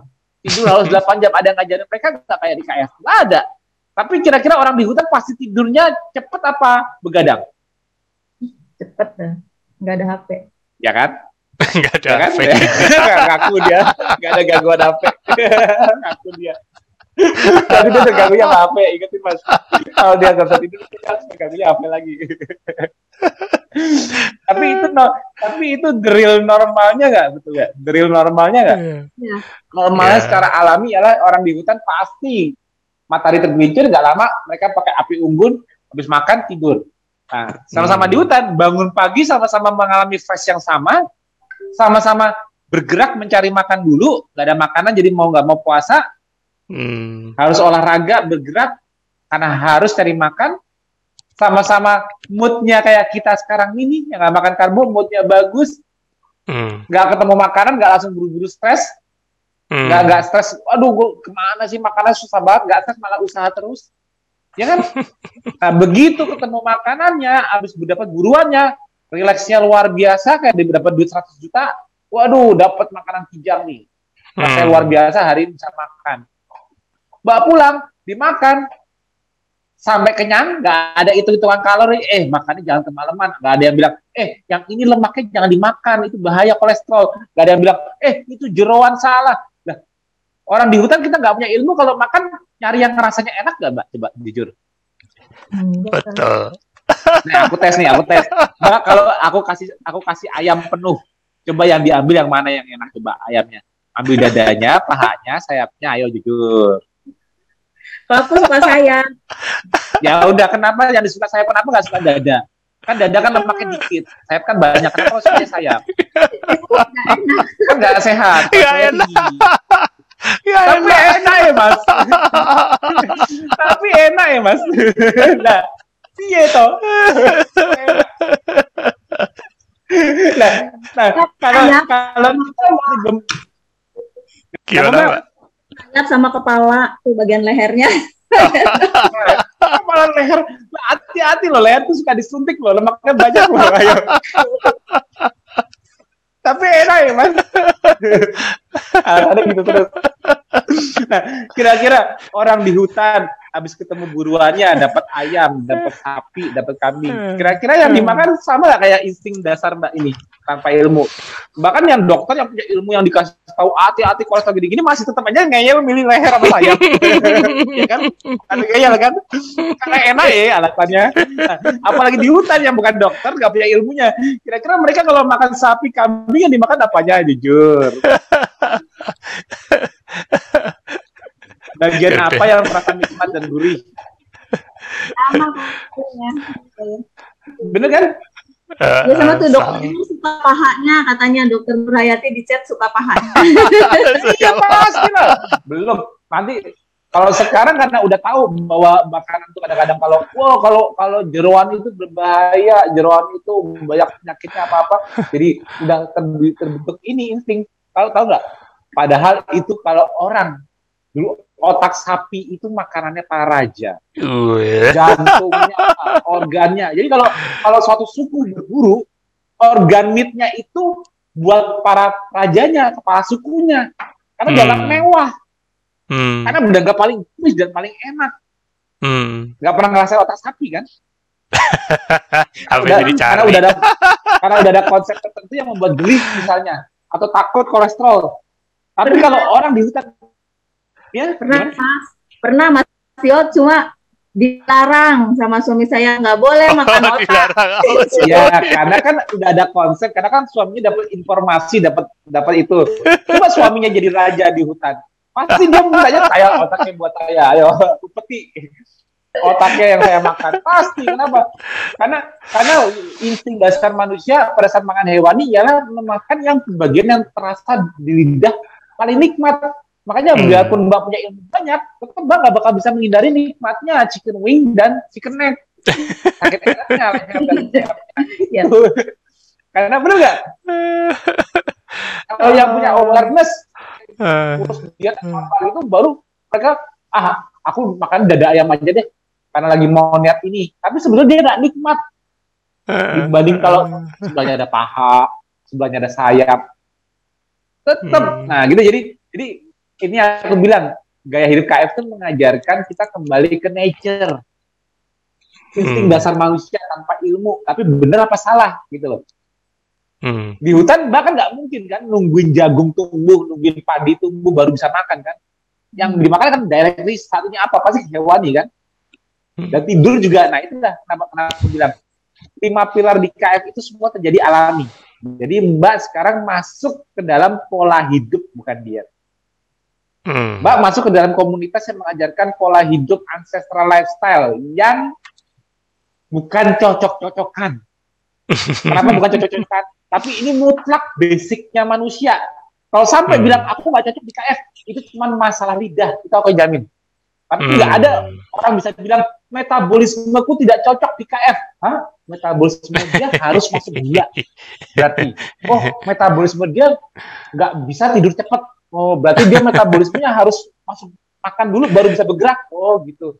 Karena nggak cocok dengan KF. Karena KF metabolismenya harus bisa akses tangki bensin. Metabolisme KF harus bisa bergerak dengan menggunakan tangki bensinnya sendiri. Hmm. Metabolisme KF harus mudah rileks. Metabolisme hmm. KF harus tidak bisa tidak masuk karbo, bisa bertenaga tanpa hmm. gula. Metabolisme KF tidurnya harus bagus. Hmm. Berarti kalau saya nggak cocok di KF, nggak cocok sama saya, nggak cocok sama metabolisme saya deh alasannya. Konyol nggak kayak gitu? Berarti gula mutlak dong bagi dia.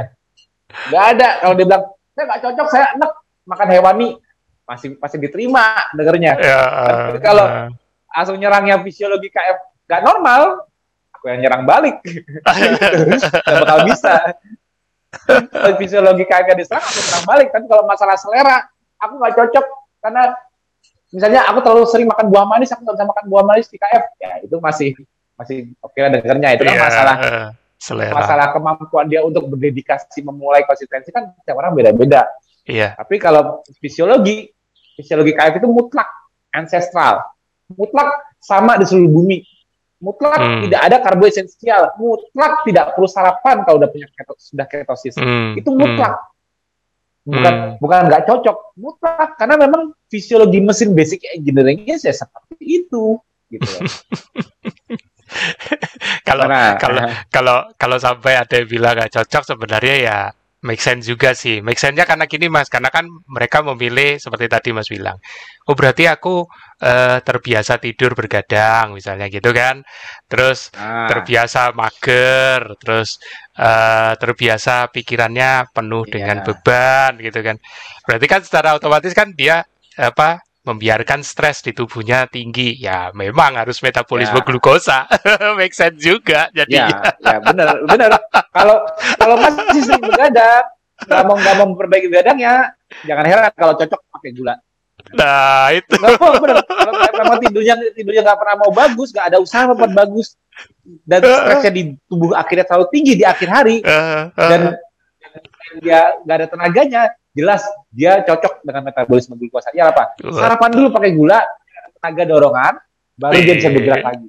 Nah, itu lah bang otomatis. Gak berubah dari sisi tidur malam ke malam metabolisme glukosa. Kenapa? Karena stresnya nggak pernah turun. Jadi gini, metabolisme glukosa itu seperti kita naik mobil, kalau udah hampir rumah dimatiin mobilnya, harus didinginin, betul nggak? Iya eh besok kita pakai lagi mesinnya masih bagus itu normalnya kita punya mobil hmm. tapi kalau kita nggak pernah mati mobil atau mobil cuma sebentar dimati dan mesinnya akhirnya panas terus setiap pagi alias hmm. stres yang tinggi di mesin supaya performanya bagus ya harus di boost dulu pakai nos hmm. masukin dulu gula hmm. biar rasa, rasanya kayak mesinnya nggak ada masalah karena di boost hmm. pakai gula oh jadi masih jalannya normal lagi nggak pincang lagi hmm. Padahal kalau nggak dikasih gula, pincang tuh mesinnya. Kenapa? Oh nggak dia nggak gitu semalam. Aku jamin. Nah, makanya kalau orang-orang yang tidurnya selalu bermasalah dan nggak mau ada usaha koreksi, cocok pakai karbo. Karena itu cara menutupi gejala paling terbaik. Tapi kalau orang mau sehat benar-benar, mau gasnya ya. benar-benar pagi-pagi enteng dijalanin, nah. dari awalnya karena mesinnya bagus, pastikan tidurnya sudah diperbaiki, bagus malam hari sehingga pagi-pagi tinggal greng mobil enteng bukan tutup-tutupan gula, bukan tutup-tutupan karbo untuk menutupi segala gejala yang muncul. Gejala mual kah, berdebar kah, stres berlebih kah, semua ditutupi dengan karbo itu cuma menutupi gejala. Tapi hmm. makanya aku bilang, semua orang di KF bisa sehatnya itu setelah dia mengalami perbaikan di tidurnya dulu. Hmm. Betul. Nggak makan karbo, tidur membaik, muncullah perbaikan-perbaikannya. Dia mulai merasa lebih fresh, nggak cepet lapar. Begitu dia nanti di tengah-tengah perjalanan sama dia kayak dia tidurnya bermasalah, dijamin tadinya kuat puasa, aduh kok udah pagi-pagi udah keburu lapar ya, kok jadi lemes lagi, gampang Hmm. lapar lagi ya. Begitu Hmm. dia masalah tidur lagi, dijamin nantinya. Kok tiba-tiba aku craving karbo lagi ya, pengennya gampang yang manis-manis. Pasti. Kok Ya. aku mood berantakan lagi ya, Iya. kok aku malas gerak lagi ya, Hmm. cuman gara-gara tidur bagus di depannya nanti. Jadi kalau Mbak Eva sekarang sebagai newbie sudah dapat insting alami untuk tidur lebih baik, pertahankan polanya terus-menerus. Kalau bisa setiap malam, aku setelah aku KF, aku mempertahankan pola tidurku 8 jam tidur minimal di malam hari. Kalau aku kurang, aku selalu bisa gantikan di siang hari. Hmm. Ini menjadikan suatu pesan yang dibawa terus selama menjalankan KF. Kenapa? Dengan megang pesan ini, tahu matikan mesin yang baik setiap hari. Percaya deh, Hmm. fasting, moving, relaxing, feeding itu mudah kalau sleepingnya udah oke. Sleeping berantakan, fasting sulit, moving sulit, relaxing sulit, feedingnya sulit. Kembali sleeping lebih sulit kalau udah berlarut-larut. Jadi mbak pegang pesanku di situ. Ikuti instingnya sekarang.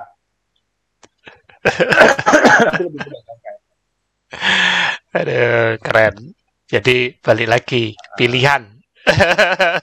mau mau tahankan karbo silakan.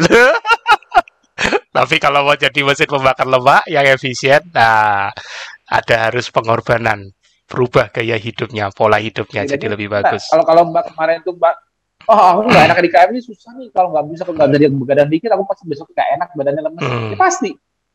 Enakan karbo dulu dong mas. Apa tinggal aku tinggal lemes ya tinggal hajar gula naik lagi sebentar lagi. Hajar gula ya ya juga ya memang kelebihannya metabolisme gula yaitu apa apa bisa didorong, apa apa bisa didorong, dipush. Maksudnya gini, Hmm. tenaga itu bisa didorong seketika. Lemes didorong gula, mood didorong gula, apa semua yang nggak bisa didorong dengan gula bisa. Itulah kelebihannya dunia karbo. Makanya Hmm. craving atau atau sensitivitas hiperglikemia semua nggak ada gejala lama-lama. Hmm. Jadi jadi kenapa aku bilang kenapa Mbak sekarang lihat di di di dinkes Mbak tempat Mbak praktek dan sebagainya itu kok banyak menemukan silent hiperglikemia. Kenapa banyak orang yang gula darahnya tinggi tapi tidak kedengaran gejalanya? Kenapa? Karena mereka sudah biasa menutupi alarmnya, stresnya, gejalanya dengan gula. Akhirnya pada saat gulanya udah tinggi, mereka tidak nggak mendengarkannya, Mbak. Jawaban Hmm. mereka selalu apa? Kembali gula, aku udah minum teh manis sudah enak lagi kok. Aku udah Hmm. makan gulanya udah enak kok. Itu ya jawabannya, Mbak. Jadi kenapa aku harus ke dokter? Kenapa aku harus ngecek gulaku? Orang kan nggak ada yang mau ngecek sakit mereka kalau nggak ada gejala. Coba, ah iseng ah, aku sehat nggak ya? Cek gula, jarang-jarang orang kayak gitu. Kalau mereka udah masuk angin nggak sembuh-sembuh, baru ke UGD, baru ketahuan gulanya udah 400 nggak turun-turun. Oh, ternyata saya diabetes. Kemarin-kemarin nggak tahu kenapa. Kemarin-kemarin karena masuk anginnya masih hilang. Masih Hmm. hilang dihajar Indomie. Masih hilang dihajar bubur ayam. Ya kan? Aduh. kan? Nah itu, itulah, itu jadi Mbak nantinya dengan KF ini juga akan membuka membuka apa yang terjadi sama tabir selama ini di dunia modern. Kenapa ya kok di zaman sekarang kok penyakit-penyakit kronis bermunculan di mana-mana? Hmm. Kenapa ya di zaman modern ini kok met- parameter metabolik orang-orang bermasalah, metabolik sindrom makin gak kedengeran, tahu-tahu udah meledak-meledak di mana-mana. Hmm. ekspektasinya turun gara-gara bunuh diri alias bunuh diri artinya gini artinya artinya dibunuh oleh penyakit kronis yang disebabkan oleh diri sendiri artinya bunuh diri karena kalau di Hmm. alam liar untuk survival di hutan tidak ada manusia yang punya diabetes di hutan tidak ada manusia punya hipertensi di hutan tidak ada manusia stroke di hutan tidak ada manusia yang punya penyakit kronis autoimun di hutan atau kanker Hmm. di hutan itu kalau mau mati diterkam Hmm. terbunuh karena karena perang, Hmm. terluka, terluka parah sehingga tidak bisa selamatkan. Hmm. Itu yang terjadi kalau dilakukan kematiannya. Tapi tidak ada yang mati bunuh diri dengan diabetesnya, hipertensinya, stroke-nya, autoimunnya, CA-nya. Nggak ada di hutan. Karena dituntut Hmm. di hutan ialah metabolisme bertahan hidup. Hmm. Mereka nggak bisa bertahan kalau udah terlalu udah terlalu berat stresnya kayak trauma, terluka parah, Hmm. Hmm. stres berat karena udah kalah sama macan yang merekam, terbunuh karena, karena perperangan antar Yeah. suku misalnya, Hmm. atau terluka yang menyebabkan infeksi yang terlalu besar dosisnya, itu doang. Tapi tidak ada yang bunuh diri pelan-pelan seperti manusia sekarang dengan diabetesnya, gulanya. Nggak ada yang terbunuh pelan-pelan dengan stresnya, hipertensinya. Nggak ada yang terbunuh pelan-pelan yang tiba-tiba autoimun CA dan penyakit sebagainya. Nah, nanti Mbak mengkuak takbir sebenarnya. Kenapa di dunia modern ini saat ini Mbak sebagai tenaga kesehatan kok melihat kok orang-orang matinya atau penurunan life ekspektasinya ini sekarang kenapa kebanyakan lebih banyak kronis dibanding akut. Yang akut Hmm. mudah dicegah sekarang karena teknologi ada antibiotik, ada operasi cepat, ada penanganan orang kecelakaan, Hmm. yang akut-akut bisa diatasi, tapi yang kronik-kronik kok malah merajalela. Hmm. Sedangkan logiknya kalau kita dengan metabolisme kita sini di hutan, justru akut-akut yang berbahaya. Kenapa? Dulu nggak ada teknologinya. Tapi kekronikan hampir tidak mungkin terjadi kekronikan. Benar nggak, Mbak? Hmm. Ayo, dipikir-pikir deh. Kekronikan hampir tidak terjadi di hutan. Karena karena mana ada orang diabetes bisa hidup di hutan. Dia harus cari makan dulu. Nggak bisa. Apalagi orang hipertensi. Nggak bisa. Iya. yang bisa hidup di hutan ialah orang yang survival of the fittest, yang metabolic fitness-nya sangat diandalkan. Hmm. Jadi kalau kita memiliki metabolic fitness seperti fitnessnya orang-orang di hutan, ya bayangkan aja pola hidup mereka seperti apa. Mereka makan jam Hmm. berapa, tidur jam berapa, Hmm. stresnya seperti apa, geraknya seperti apa. Kan udah kebayang lima pilar itu seperti di hutan. Kalau Hmm. Mbak melakukan itu, insya Allah Mbak mendapatkan metabolic fitness seperti orang-orang di alam liar, tapi dijaga polanya Hmm. terus. Karena Hmm. ini insya Allah mencegah kronikan terjadi seperti yang sudah terjadi di alam modern, di mana gula atau karbo selalu jadi jawabannya untuk segala gejala ataupun gaya hidupnya. Nah, itu dia. Hmm. Hmm. Nanti Mbak Oke. bakal sambil seiring waktu mempelajari KF ini karena Mbak suka belajar, insya Allah nanti Mbak bakal lihat deh jawabannya kenapa kekronikan sekarang terjadi ini karena apa, why-nya nanti terjawab deh. Mbak bandingkan why-nya itu. Why-nya selalu ketemu di apa? Di kegagalan menjalankan lima pilar. Hmm. Jadi gak cuma di kegagalan orang makan karbo. Bukan karena orang-orang makan karbo, orang-orang jadi diabetes. Gak cuma itu doang. Orang-orang jadi diabetes, hipertensi itu gak cuma gara-gara gak makan, karena mereka makan karbo kebanyakan enggak. Mereka juga akhirnya stresnya ketinggian. Hmm. Mereka juga akhirnya gak pernah puasa. Mereka Hmm. juga akhirnya mager. Dan yang Hmm. paling terlihat banget ialah mereka akhirnya sering mengalami sleep deprivation, tidurnya bermasalah. Mbak Hmm. boleh cek setiap orang yang diabetes, hipertensi yang datang ke Mbak. Tanya, mereka punya masalah tidur malam nggak? Kita ketawa jawabannya apa. Dia deteksi penyakit kronik, ternyata nggak cuma karbo penyebabnya, tapi lima pilarnya kena semuanya. Itu sebabnya kalau kita mau kembali sehat di KF, juga juga juga jangan berpikir cuma dengan lepas karbo kamu bakal sehat. Enggak. Lepas karbo kamu punya modal untuk bisa lebih sehat. Iya. Contohnya, ini lebih enak kan? Betul. Nggak cepat lapar kan? Nah, jadi kalau orang-orang menuju sakit kronis, mereka mengalami kehancuran di lima pilar, Hmm. sama halnya kalau kita berusaha reverse atau mencegah penyakit-penyakit kronis datang, ya kita juga jaga lima pilar kita. Yes. Karena aku yang jamin. Jangan langsung tunjuk hidup orang-orang diabetes itu mereka gara-gara kamu sih makan karbo. Kamu sih hipertensi makan karbo, kamu kanker makan karbo, kamu autoimun makan karbo. Jangan cuma tunjuk satu hal. Tapi mereka cuma mikir, oh kalau gitu saya dengan nggak makan karbo saya bisa sembuh. Salah.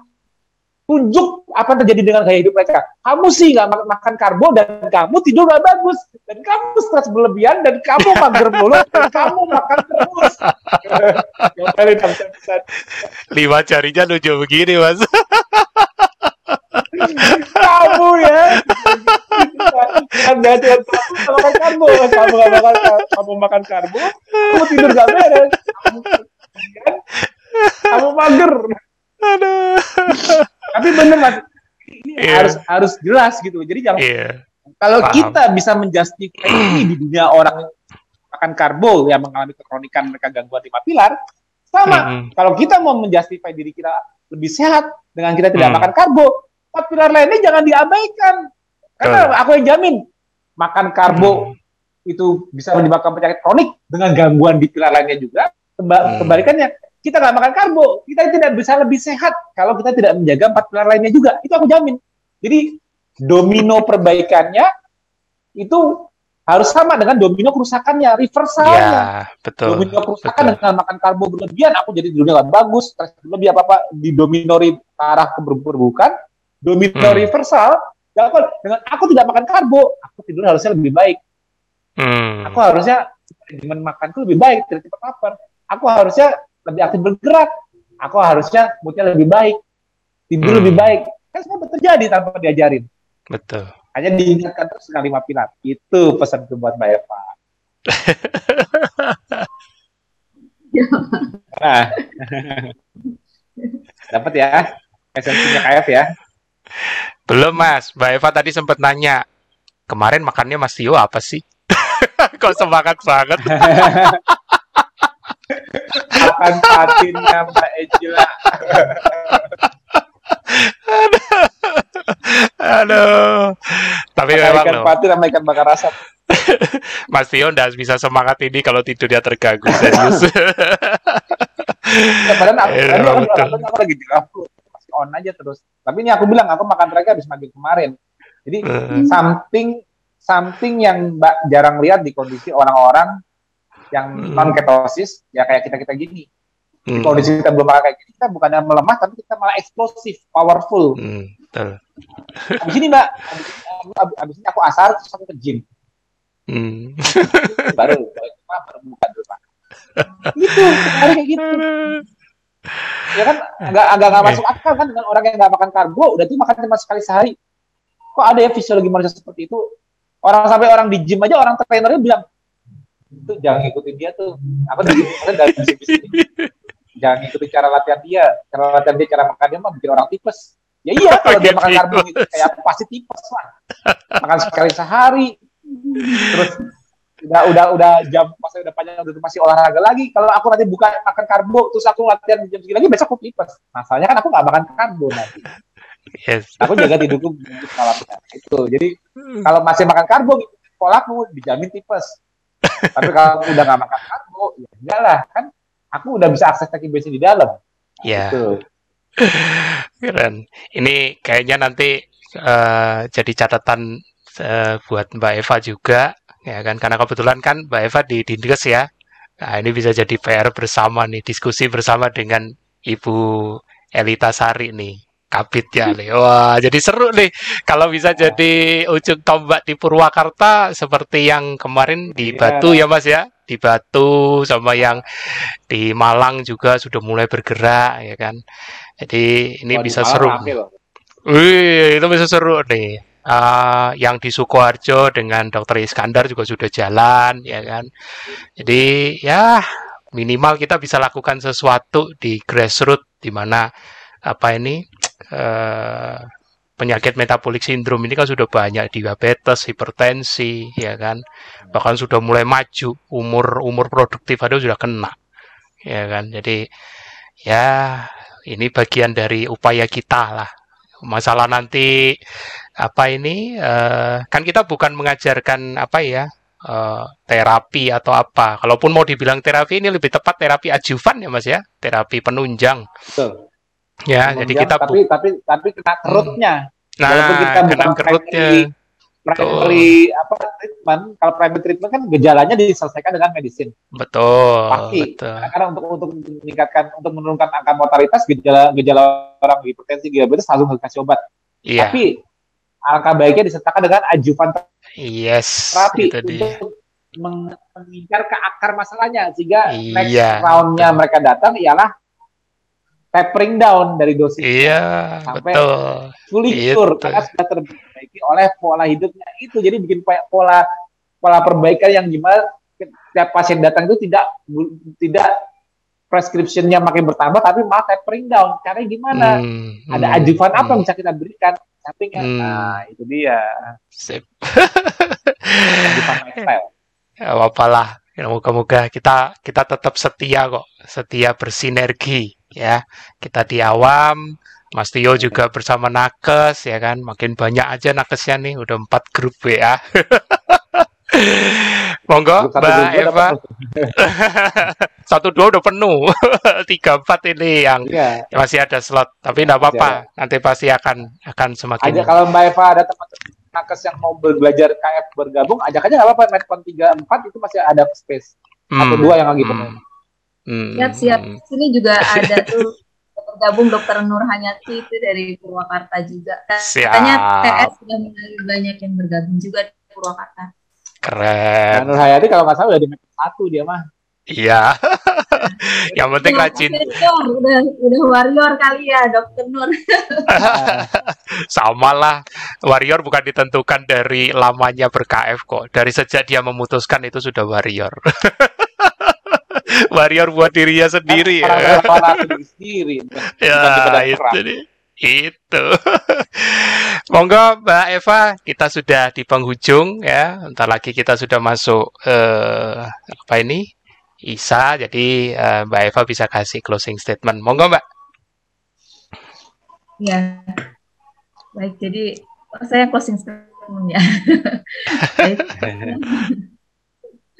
Untuk eh, saya me- saya mengatakannya ini perjalanan untuk masa tua yang sehat, Hmm. Amin. masa tua yang sehat. Jadi memulai eh, ber KF ini ya dan sekarang sudah Hmm. mulai jalurnya sudah mulai jelas gitu ya bahwa bukan hanya nggak karbo aja loh tapi juga ada lima pilar yang harus Ya, kita 24 jalani yang jam. sebetulnya lima pilar itu sendiri juga merupakan suatu siklus kalau saya tadi ambil dari penjelasan Hmm.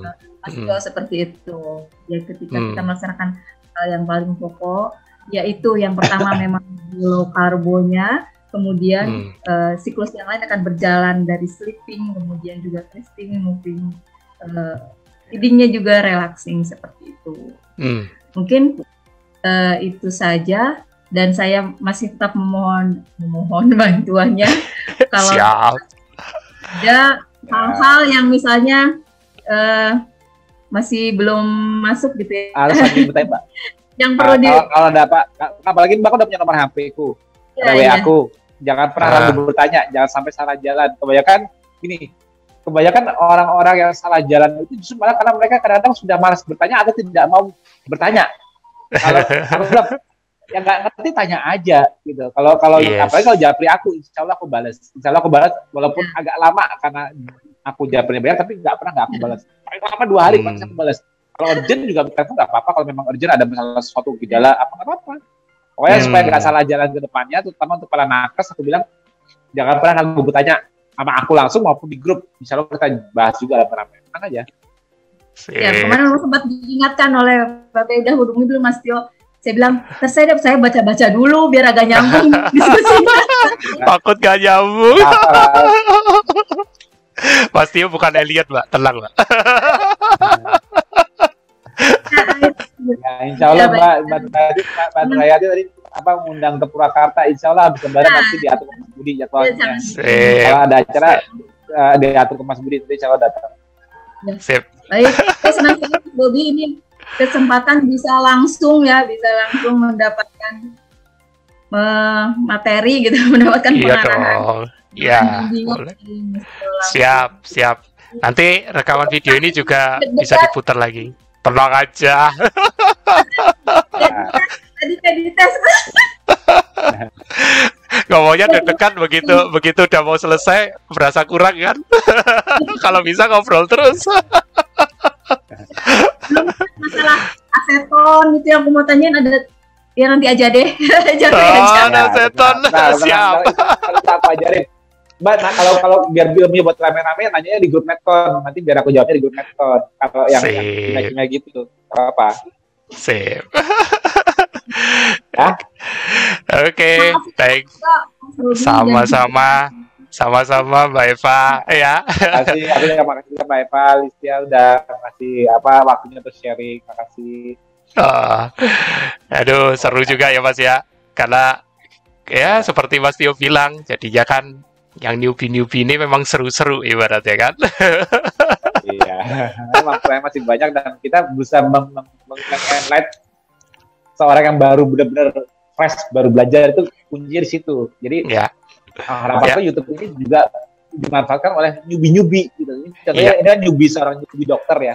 Dokter newbie kita enlight Nyubi-nyubi yang nggak usah dokter lainnya, aku ingin berusaha mereka mendapatkan enlightenment di awal menanyakan KF itu apa sih bedanya apa dengan diet lain, pola lain, apa cocok-cocokan apa enggak, kan terjawab semua tadi dengan cara kamu yes. teknikku menjelaskan. Nah ini yes. mudah-mudahan menjadi insight baru buat para nyubi-nyubi lain yang tidak dokter sekalipun untuk melihat KF ini seperti ini loh. Iya. Yeah. Jadi, untuk memperkuat, yuk apa enggaknya, yuk jalan hmm. apa enggaknya, itu bisa lewat YouTube ini nanti. Oke, mantap. Thank you Mas Tio. Teman-teman, ya. waktu juga yang membatasi, tapi sekali lagi ilmu tidak berhenti di sini. Kita masih ada diskusi lagi, baik itu di WA, di mana pun ya. Jangan pernah bosen ya. Jangan pernah apa ini berhenti untuk belajar. Karena yang kita yang dipelajari itu badan kita sendiri, metabolisme kita sendiri, fisiologi kita. Sampai kapan? Ya, teman-teman sampai merasa cukup. Kalau teman-teman merasa cukup, ya di situlah batasnya. Tapi kalau teman-teman masih haus, pasti akan terbuka terus. Karena masih banyak rahasia-rahasia yang masih ada di sini. Oke? Sampai jumpa dan dadah. Jangan pernah lupakan KFLS dan ikhtiar sehatmu. Dadah.